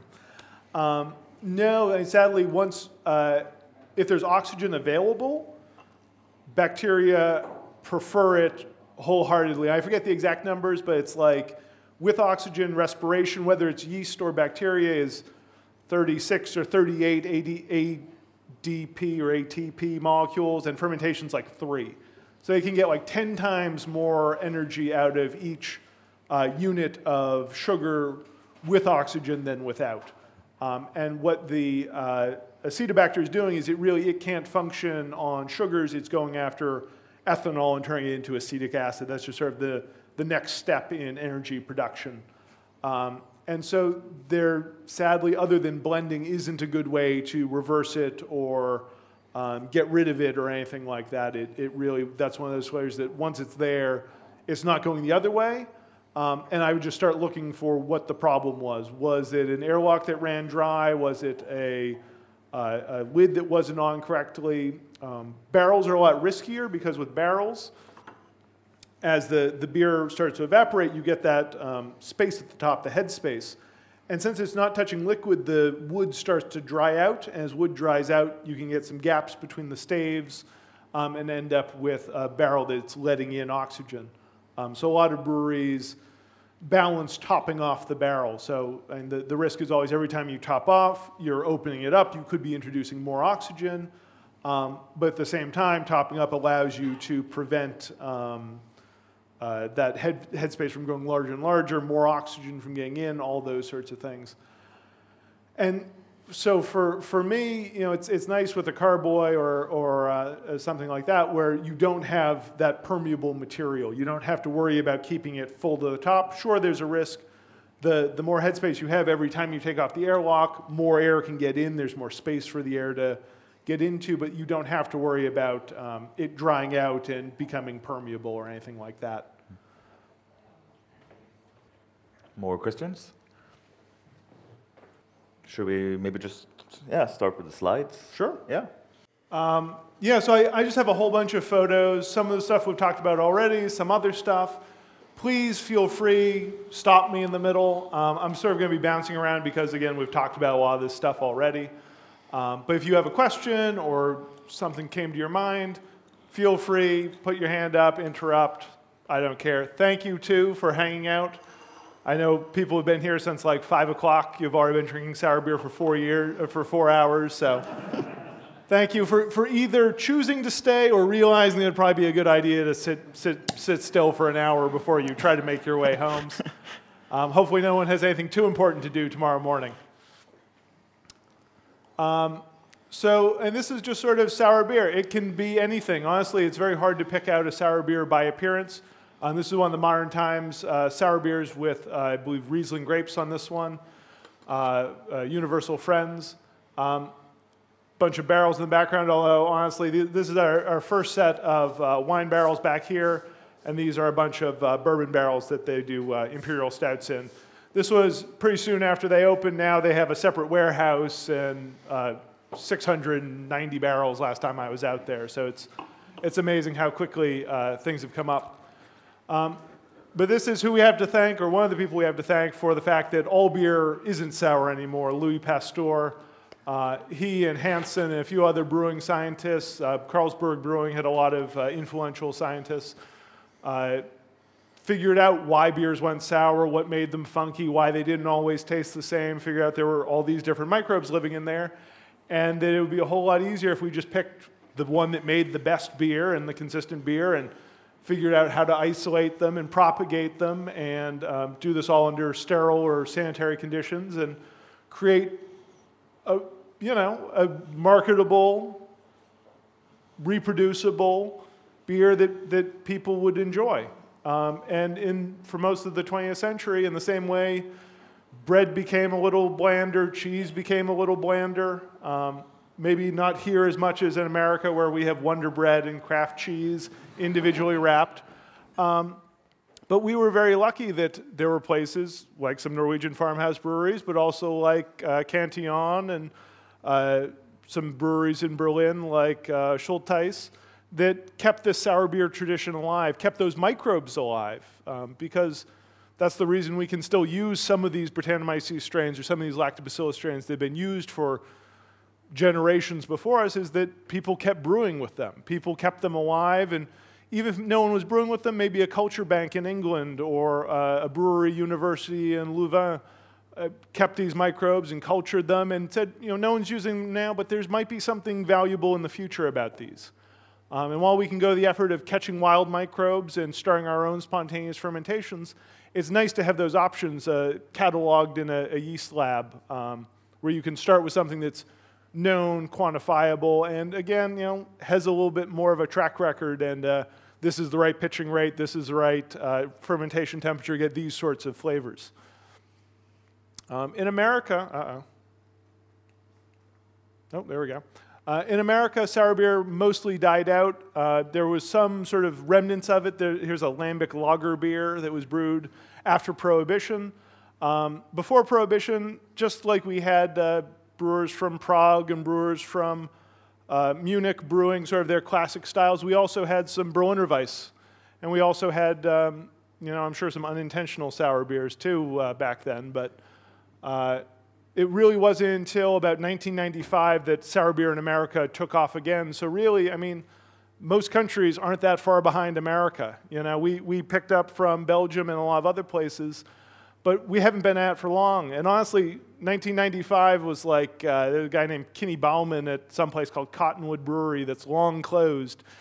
And he had some beer that kind of went sour, and he had been to Belgium and said, Hey, I'll put some raspberries in and I'll call it a lambic. And that's the sort of, you know, unexciting start to American sour beer. The sort of thing that I would tell anyone not to do now. Just because your beer tastes weird and sour, it's not a lambic. Um, this isn't actually Peter Bouckaert, but these are the foeders at New Belgium, big vertical oak tanks. They're often used for wine production. Um, Peter Bouckaert came from uh, uh, Rodenbach, as I mentioned earlier, and he was really sort of the, you know, the one who started serious sour beer production in America.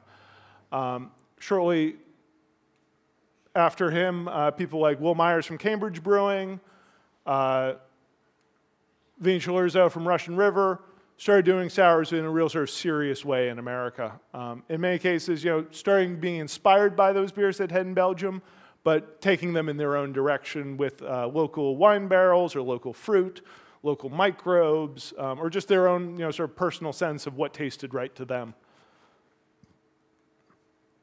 Uh, this is Caleb from Upland Brewing, again, just sort of middle of America, little town in Indiana that you wouldn't think would be sort of nuts about sour beer, and they make a lot of sour beer, and it's very popular at their, their brewery.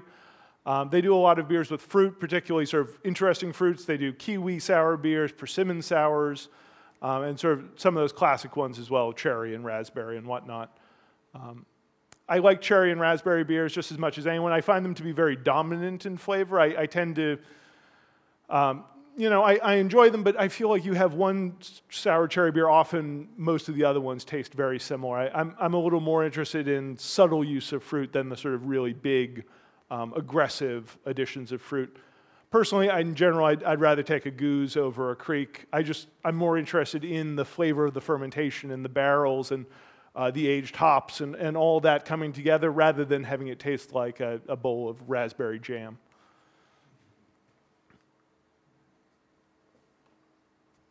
Um, at Modern Times, we have a, a couple uh, Brett strains. Um, this is one that was isolated from uh, Cantillon beer, the blueberry lambic that they do. Uh, it is one of the ones I was talking about. There's a terrible attenuator. It, it's like 45 or 50% at best. The real fun thing about a strain like this, though, is that you can pitch it for bottle conditioning and it won't overcarbonate your beer. So you can take a beer that has a little bit of residual sweetness to it, pitch this, and even though it's not attenuating down, it's not dropping the, low, the final gravity, it's not um, increasing the carbonation, it's producing those fruity, funky flavors that we love from Brett. And so that's sort of one of the fun things about Brettanomyces. There are about twice as many um, genes and, and, variants on it as there are for Saccharomyces. And so there's a huge range. There are, there are strains that are very funky, there are strains that are very fruity, there are some that will attenuate, you know, basically below 100, and there are some that will, will stop, you know, halfway through because they can't ferment maltose. Um, so it's very difficult to talk about Brettanomyces all as one thing, or best practices, or best pitching rates, or best um, aeration levels. It's you know, in, in the same way that uh, Sierra Nevada, you know, that classic American Pale Ale, and a Westmalle or a, a Weihenstephan, those are all Saccharomyces cerevisiae. In the same way, Brettanomyces bruxellensis has this huge range. Uh, Brettanomyces anomalus, the sort of more fruity, um, Englishy leaning, cider leaning one you know, they have huge range. Uh, you can't just talk about Brett Brux as if it's one thing. All Brettanomyces lambicus is also just a different sub, sub category, although it's not even sort of a, a real taxonomic uh, difference. Um, but those all fall under the same species. Here's me in my basement adding uh, bottle dregs, looking very serious in my you know, lab coat, making sure I don't infect anything. Um, this is uh, lactobacillus probably. Um, so I've talked a little bit about lactobacillus. Lactobacillus is what's in yogurt or uh, buttermilk, any, any, sort of tart dairy uh, products. Oddly, a lot of the strains that brewers use can't actually ferment lactose, which is the milk sugar that uh, traditionally is what they're turning into lactic acid. Um, this is just a quick uh, kettle soured, essentially, although I quickly soured it in a, a, fermenter before moving it back to the kettle. I used a culture from grain, so odds are this is lactobacillus with some other stuff in there, probably. Um, although not a lot of yeast, the gravity didn't drop very much, and so I actually got less attenuation on this one than I did using the pure culture from uh, White Labs. This is the sort of uh, pellicle I worry about. This is actually the uh, lambic that had the sort of uh, piney, resiny floor cleaner flavor to it. This, is, this was popular very briefly. This was an oak chair leg that I jammed into the top of this. As you can see from me wrapping it, it once it swelled, split the glass. Uh, not, you know, completely, but enough that I had to tape it back together with glass. That's normally not a good sign. Uh, so this is letting oxygen. The idea was it's sort of like a barrel. It lets oxygen in. The problem was that it worked almost like a siphon, that uh, the pressure would build up and then it would push beer up and out through the wood, and pressure would build up. It, was, it just didn't end up being a good plan. Um, and honestly, I didn't think it had any real advantages over just adding uh, you know, 30 grams of oak cubes to the beer. You can always uh, transfer it off those. You can you know, do other things to get oxygen introduced just adding that small amount of oxygen didn't seem to improve the characters of my beers uh, that I tried it for. What we had earlier. Um, the Bruery has been doing sort of really interesting stuff. They've just had a changeover at head brewer, uh, Tyler King, who I interviewed for the book and who was really great. Who, uh, he actually uh, told me that uh, he had uh, started brewing sour beers, I think, shortly before turning 21. Um, so he has sort of been doing this, you know, a big chunk of his life has just moved on uh, to open his own place. Um, so the Bruery is sort of, you know, keeping on, keeping on, but it's always hard when you have someone who's been so influential and working there from day one, um, moving on to another brewery. Um, one of the things I have in the book are these little charts over how different breweries do their methods. It was the best way I could come up with to sort of conceptualize the different choices these places make. Um, so this is for the Bruery and particularly for Oude Tart. On brew day, it's just normal wort production, nothing fancy, single infusion mash. They chill it, they send it to stainless steel, and they pitch their house ale yeast. Um, their house ale yeast is somewhere between Scottish and um, Belgian strain, I believe. Doesn't really matter. The Brett's going to sort of clean up a lot of those esters and other things that are, uh, that are done. Um, some of the beer actually goes directly into barrels, used barrels, so they've got this sort of um, different paths for the wort. So some of it goes right into barrels, resident microbes, so it's going to get real sour, real aggressive, and then they can use that later to blend in to sharpen up um, other barrels that maybe aren't sour enough. And the rest goes into barrels after primary fermentation. Eventually, they might add fruit after that, and then they blend, re-yeast, prime, and package the finished beer. Um, so they have, you know, it's actually a relatively similar process to mine. They're adding all the microbes together. They're using a lot of house cultures that were just resident in the barrels. Um, they start with a whole variety of different things, um, including Roeselare was one of the, the early things in there. Um, I think it's, it's a reasonable method to use even as a home brewer. I would say these commercial methods, it's tricky. You don't want to follow them sort of to the letter as a home brewer because you can't follow them to the letter unless you have multiple barrels and you're going in. But you can sort of take ideas and take pieces of them that make sense to you. I'm a big fan of Jolly Pumpkin too. I just they're all uh, local wild microbes essentially. Um, they pitch a, a, House Belgian strain. It's White Labs 550 or some variant thereof but then they just pump in through the HVAC system, through the, the heating system, uh, fresh air from the outside. And that, over the years, has built up a colony within their uh, barrels, within their equipment. They do some completely spontaneous beers, but honestly, a lot of that is what's in the wood. And honestly, that's a good lesson. If you're talking about brewing a spontaneous beer and you're a commercial brewery and you've been doing it for years, it's easy. You've got those microbes in the wood, you've got them uh, in your brewery because you've had blow offs, you've had these microbes sort of flying everywhere. And sure, it's going in the coolship and picking up some microbes, but then it's going into these sort of rich, it's almost like um, seed saving. If, you, if you're a farmer, the way you used to do it was that you would take the, the seeds from you know, the best tomato and you would replant them the next year, and you'd slowly get this tomato that would be best adapted to your soil, your climate, all those things. Um, as a home brewer, it's a lot trickier, particularly if you don't have a barrel. If you're just putting into a coolship and then you're putting into a sterilized glass or plastic fermenter, it's really hit or miss. You might have some great microbes that flew in, but odds are pretty low. And, and even a, a place like Allagash Brewing in Maine dumped about 60% of their spontaneous fermented wort early on because a lot of it wasn't good. A lot of it was plasticky and phenolic and, and unpleasant. Um, what I would very much recommend doing if you want to do sort of wild local cultures and you don't have sort of the production capacity to start, you know, 10 batches or something like that, start with some little batches. Start with some, you know, half liter or one liter uh, pots, sterilize them, put them out in, the, in, in, your, uh, in your yard or in an orchard on a cool night. You know, not, you don't want to be freezing, but you don't want to be too hot. Not a big problem around here, but um, you know, spring or fall usually. You could do that. You could inoculate it, take some fruit, take some uh, flowers, anything like that that you wanted to, and put it into the wort to get that going. Let them go for a few weeks. Make sure that they start fermenting. Make sure that it looks pretty much like a beer fermentation. You're gonna, you might get a little, you know, white white gunk on the top or something. I wouldn't worry too much about that. You know, if you start getting black mold or something that really looks or smells like death, Please dump it. Do not try it. Do not, you know, don't stick your nose in there. Don't swirl it up.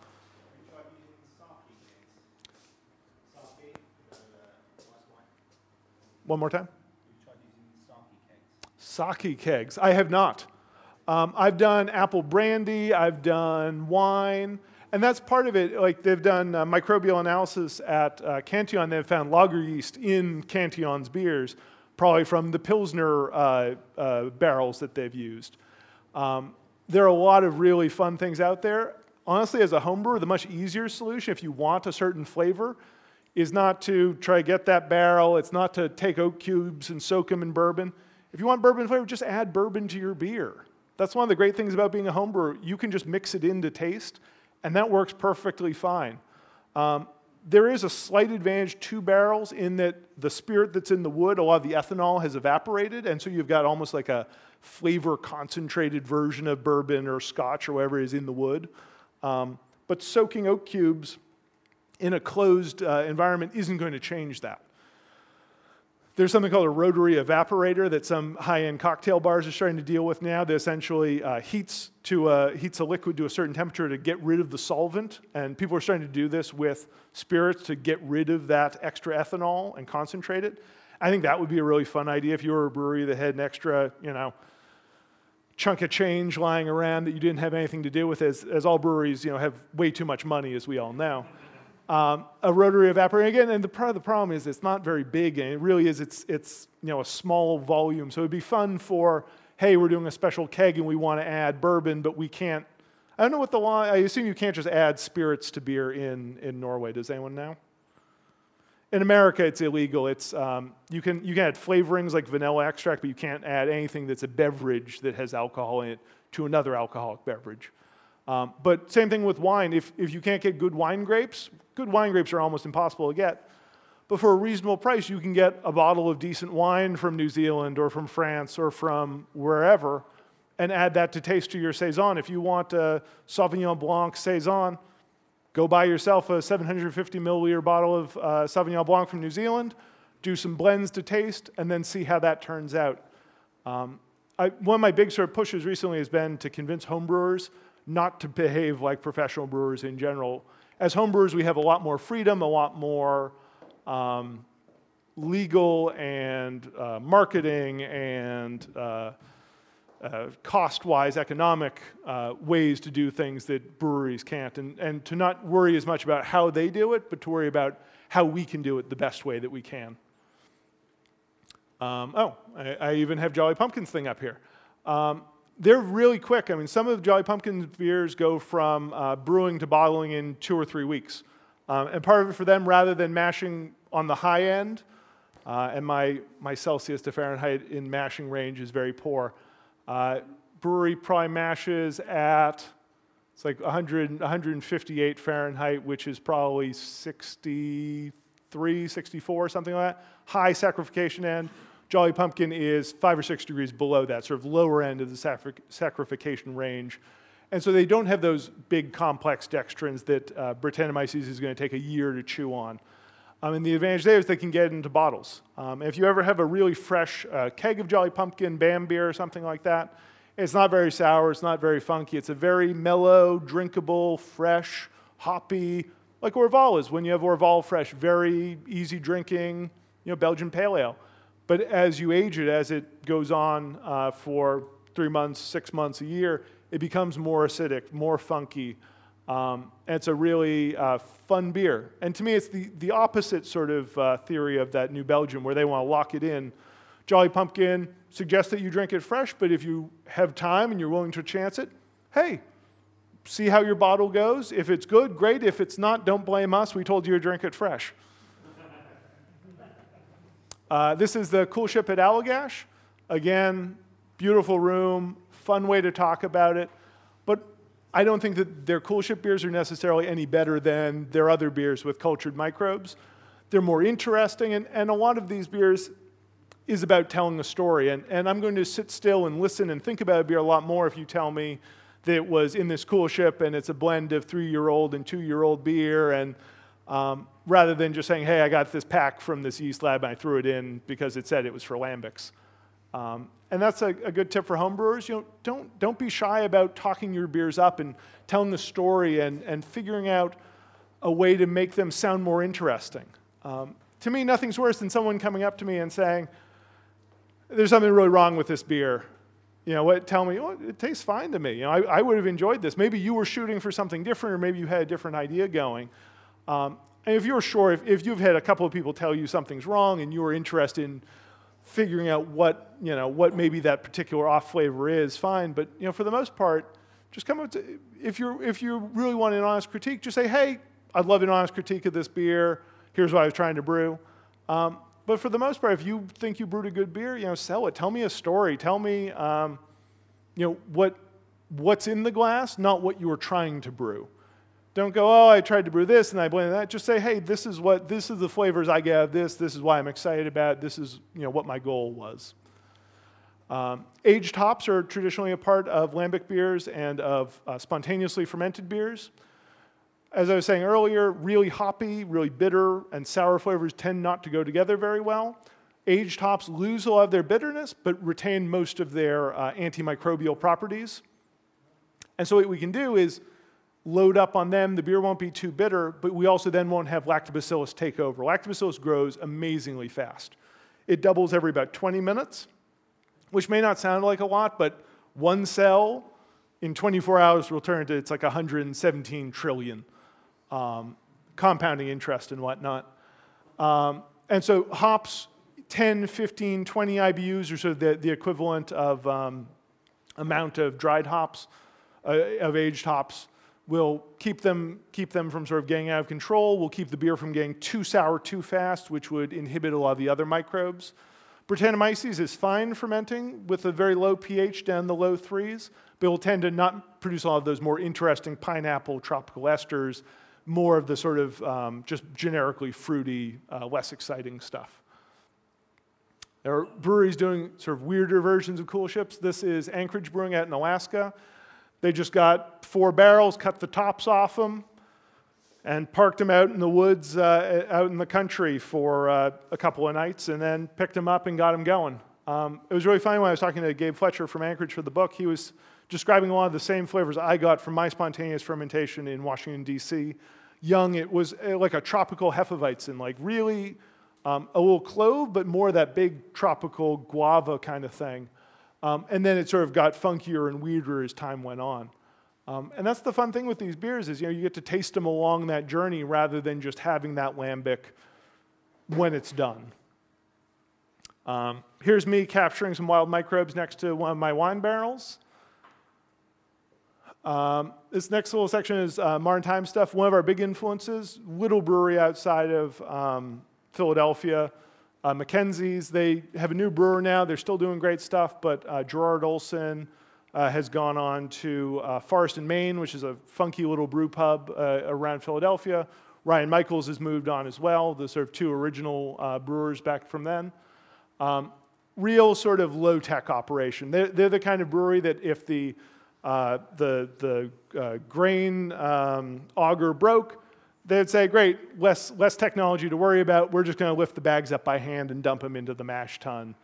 Um, so their, their brewery became very labor intensive. This is modern times after the, sort of the first new set of tanks. These are, this was sort of the original chunk.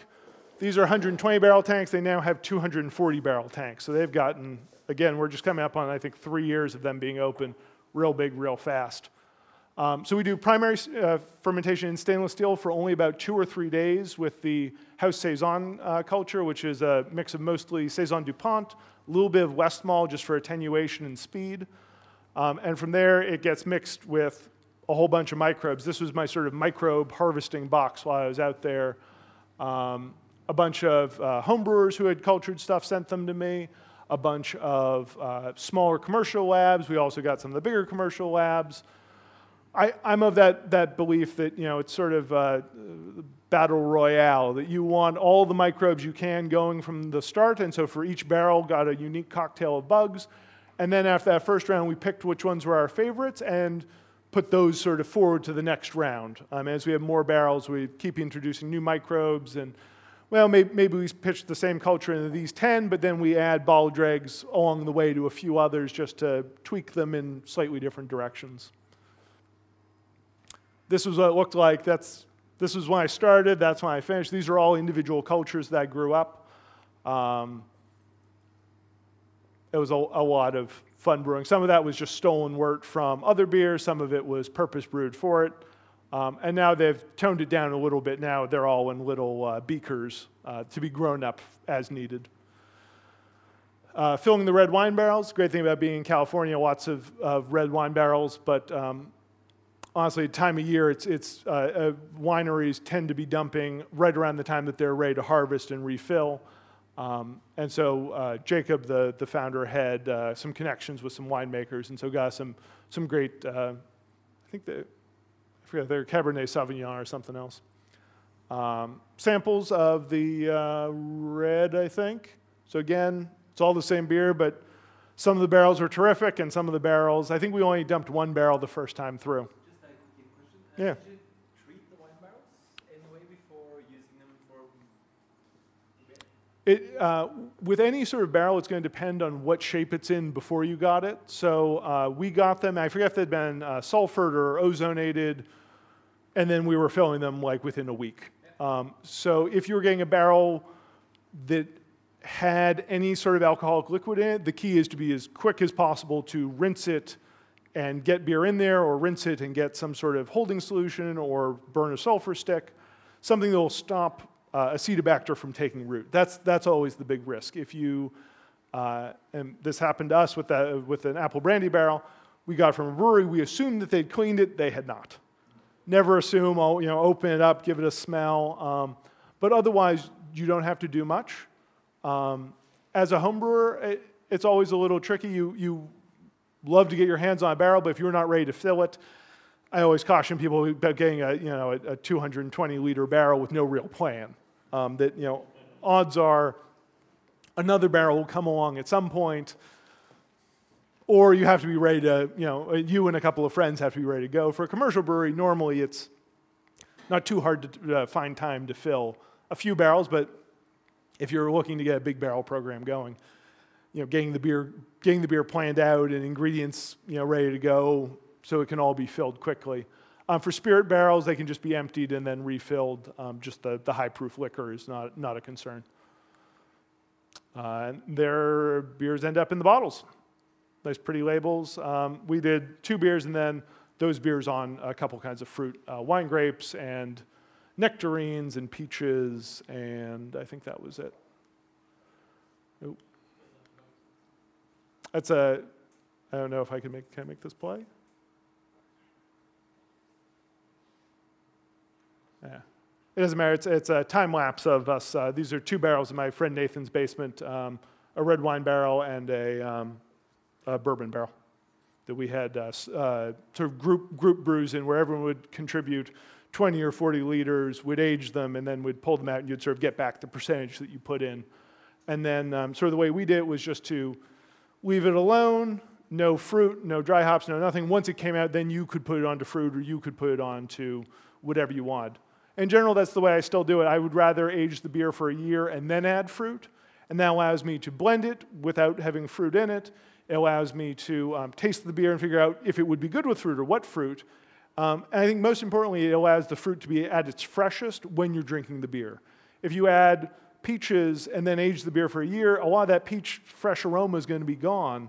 Better to age it add peaches, add dry hops, very short age, just let, you know, with fruit calm down, fermentation finish out, and then package it. Um, and you can drink it fresh, or you can then age it and see if it, if it goes well, but at least you have that option of drinking it fresh, fresh, fresh.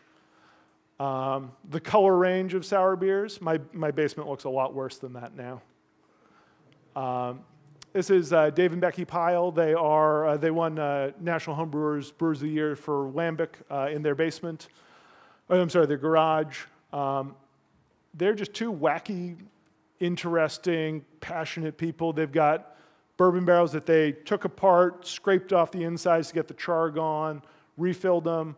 Um, they have a really sort of unique process where they do a batch every year, but then they pull out of the barrels and leave them partly filled. And uh, I guess part of it is American oak is a lot more um, resistant to oxygen than French oak, but by the time the last barrel gets mostly down, it's pretty vinegary, but then having that as 5% or 10% of the blend with the younger beers gives them that sharpness and that, you know, that real aged out, earthy, funky, mushroomy flavor that um, very good gueuzes can have. Uh, one of the first 100% Brett beers we did, uh, Neverwhere, based on one of my recipes. Um, we've talked about 100% Brett beers a lot, but I, I think 100% Brett IPA is, is a great gateway where IPA is so popular right now. I love fresh fruit. Again, particularly if you can get like good local fruit in season, the results, particularly for something like peaches where freshness is so important, so much better than the puree or the juice. Um, those can have their places and, and can be very nice in combination with some things.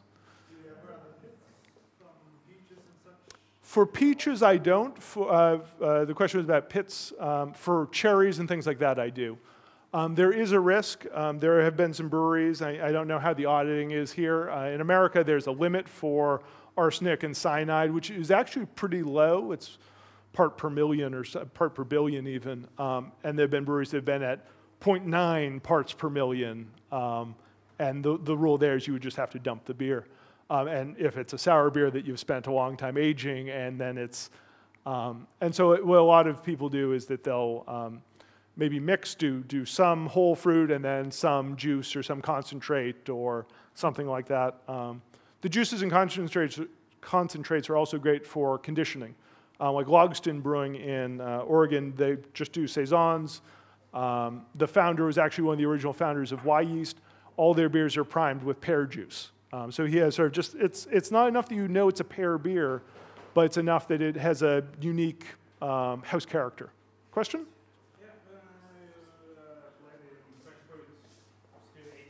Uh. Mm-hmm. And uh, probably get some Pectinase or if, uh, maybe bottle it and just uh, collects like uh, fruits uh, and most other things are in the bottom of the bottle.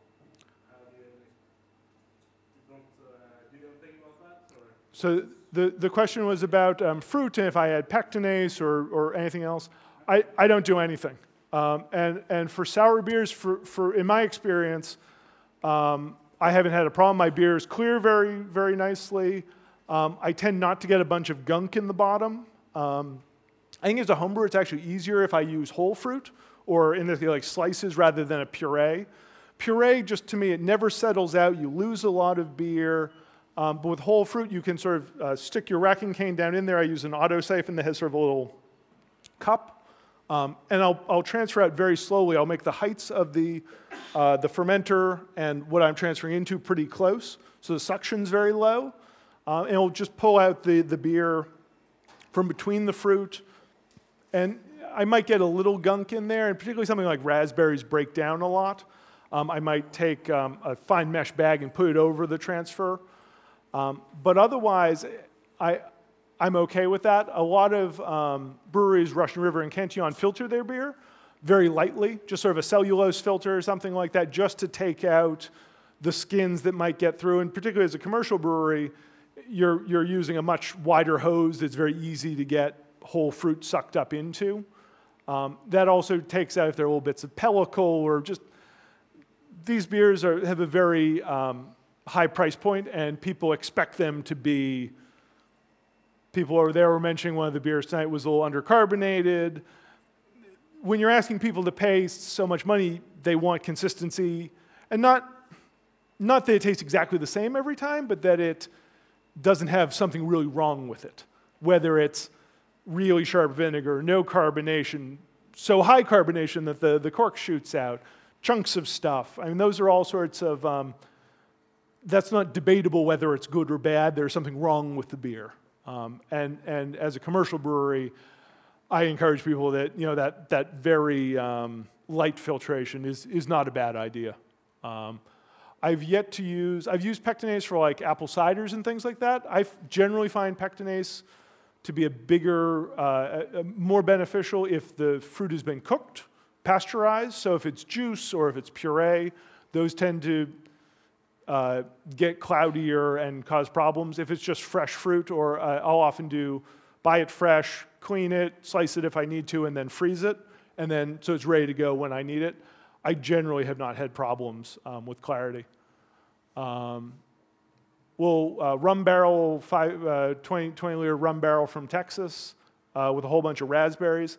I get weird ideas and inspiration. I, I read some article that said the Milky Way was high in some compound that tasted like rum and raspberries, and I said, that sounds like a good idea for a beer. Um, this is uh, currants and uh, a stave from a red wine barrel. It's sort of a, a Russian River consecration inspired, but is a dark saison. Um, so this is uh, sort of a nice, relatively clear beer. This was aged on Cabernet Sauvignon grapes. Um, I'm not. I like wine. I'm not crazy about wine.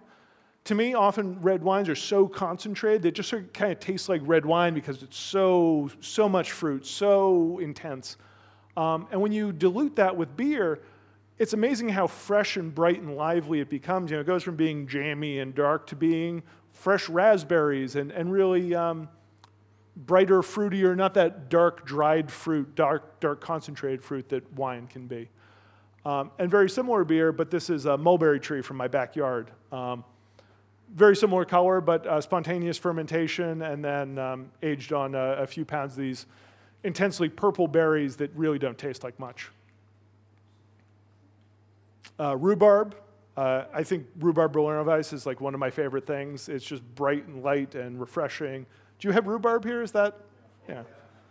Uh, and it, I, I, don't have a picture. The beer was light, it was light pink. It was um, really fun. It, it was a really interesting, unique beer. And that's, I, I try to be the sort of person who walks down to the market and smells some things and tries some things if they have samples and goes, oh, yeah, that's, that tastes like it would be good in this beer or that beer. Um, originally, I was going to do rhubarb in a, a, red Saison, but that Saison was already sour enough, and the rhubarb I knew was going to add more acidity. And this Berliner Weiss wasn't sour enough. And so that's, you know, again, that sort of change of plans midstream. Um, you do chili peppers in sour beers. It's something I haven't done much with, but um, you know, there's so many uh, world, world cuisines, whether it's Thai or Mexican, that combine a little acidity and a little heat. Um, Upright did a beer called Fatali 4, where they used a green pepper called the Fatali from Africa that is sort of uh, lighter, less grassy, more fruity, not a lot of heat. Um, I can also see like a dark sour with dried peppers working well, the sort of the ancho or something like that that doesn't have a lot of heat to it. Uh, Jolly Pumpkin did a beer with kale. I don't, I don't know if the, the greens are really a great idea. It was a pro, uh, prostate cancer benefit, I think, so they tried to use ingredients that were. Uh, the brewery does a, a, a yam sweet potato, um, 100% Brett beer. Again, fun idea, I guess. Um, these are possibly two of my favorite people I've, I've met doing this. Uh, they live I don't know if you guys know West Virginia. West Virginia is sort of a, a, a mixed reputation for hillbillies and uh, people who marry their cousins. Um, and these two guys, Marty and Martin, live uh, down this sort of little winding road. Uh, the guy on the left is a PhD economist. The guy on the right makes his own makes guitars for a living. Um, and all they brew is Gruit. No hops. They, there were a lot of discussion about hops and the, uh, estro- the, the uh, estrogen they contain and weakening men. And, um, but they, they, they boil over this open fire that is uh, scraps of hardwood from the guitar making. They roasted some deer over the fire while we were cooking. And when they're done, they just pull the kettles off. They put these little uh, wooden lids on and they let them sit there overnight to cool, and then they pitch yeast. And they were all kind of tart and funky, and they, but it was odd because I, I've always said, you know, bitterness and sourness don't go together. But some of the bitterness from these herbs um, really worked well. And this to me is a, I, I love specialization. I love breweries and people who really pick one idea and go after it and they've done you know all single single herb varietals. They have different blends they've come up with that they really like, and um, you know it, it, it's not precise, it's not repeatable, but it's really fun and amazing stuff. So what's your take on Gruits? Have you experimented with it? With Gruits? Uh, I've done some really weird ones. I, it's, it's, sort of like the, the fruit thing. So what I've done is I have gone to herb shops and you know, spice shops, smelled a bunch of things. So I've done uh, I really loved uh, Cambridge Brewing did a beer that was heather and lavender. And uh, they, they aged theirs, I think, in a Chardonnay barrel. And to me, a Gruit, you either you need some bitterness from the herbs or you need something else to balance the sweetness. Um, and so I did that one. That was really fun. I did one with um, jasmine, uh, which is often used in teas, very floral, with hibiscus, that sort of tart cranberry kind of flavor. Um, those were really fun. And then most recently, I did an India Pale Gruit. I took um, sort of the classic flavors that uh, you get in an American West Coast IPA, citrus and pine, and I used uh, spruce tips and grapefruit. Um, and that was a really fun one. What I underestimated on that one was despite boiling some of the grapefruit zest, which is pretty bitter, and some of the pine uh, tips, it didn't get enough bitterness. And so the aroma was great, um, but the flavor, even though it dried out to maybe 10 10, tasted a lot sweeter than that. Um, and so if I did it again, I would probably do 30 IBUs of hops at the beginning or, or maybe some other um, uh, compound to bitter, and then save the, the spruce and the, um, the grapefruit for later on in the uh, at the end of the boil, maybe maybe um, dry hop. I, I have not dug too much into the sort of the real, the classic, the, the yarrow and the mugwort and, and all those, but I, I think it's a, a real interesting way to go. I mean, part of the trick with hops is that, and, and same thing with barley, they've now been grown for so long and really been adapted to beer specifically. Um, and I think that's why, even though now we don't have restrictions on the amount of wheat we can use to brew with, most people still use barley by and large. You know, maybe a little wheat, or, or even though you know oats are plentiful, we still use barley because that is what barley has been bred for. It's been bred for the right husk, the right protein content, all those things. Um, and with hops, you know, we have all these different varieties, and they're listed by alpha acids. When you start getting into the other herbs, trying to know how much bitterness is this going to contribute, how much all that. Um, would take more specialization and time than I currently cared to give it. But I love tasting them from people. And I, I really, one of my one of my favorite new breweries in America, they're a little tiny place. They're one barrel, it's called Scratch Brewing. They're out in the middle of nowhere. Um, Stan Hieronymus is actually working on a book with them about foraged beers, and pretty much everything they brew is just ingredients that they find on this parcel of land they have, but it also abuts a national park um, or a state park. They're, they're, apparently they're allowed to where, wherever it is they're allowed to, to harvest there. And one of the guys doesn't brew, but he's lived on that area for you know he's 25 or something like that, and he's been foraging his whole life. And um, they'll do beers where it's uh, an ode to a tree, and so they'll use uh, you know uh, hickory hickory syrup, hickory sap is the brewing liquid and they'll use uh, roasted hickory bark for bittering, and they'll use the hickory leaves as the aroma addition. Um, they've done plays on sahti that had burdock and all sorts of stuff in them. Um, again, that specialization angle, that you know, they really know what they're doing. And for me, I'm happy to leave it to them. I wish I, wish I lived closer there because I'd be there all the time, but um,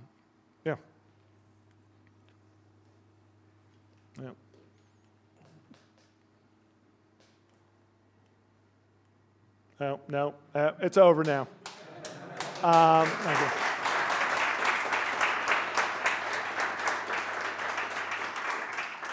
you. Is, is anyone going down to Drammen for the homebrewers thing this weekend? No? One person. Well, I'm really happy I did this then and gave, got a chance to, uh, to meet all of you and to uh, hang out and drink some awesome sour beers. Oh, and there's more sour beer that I completely ignored. Go, go, go.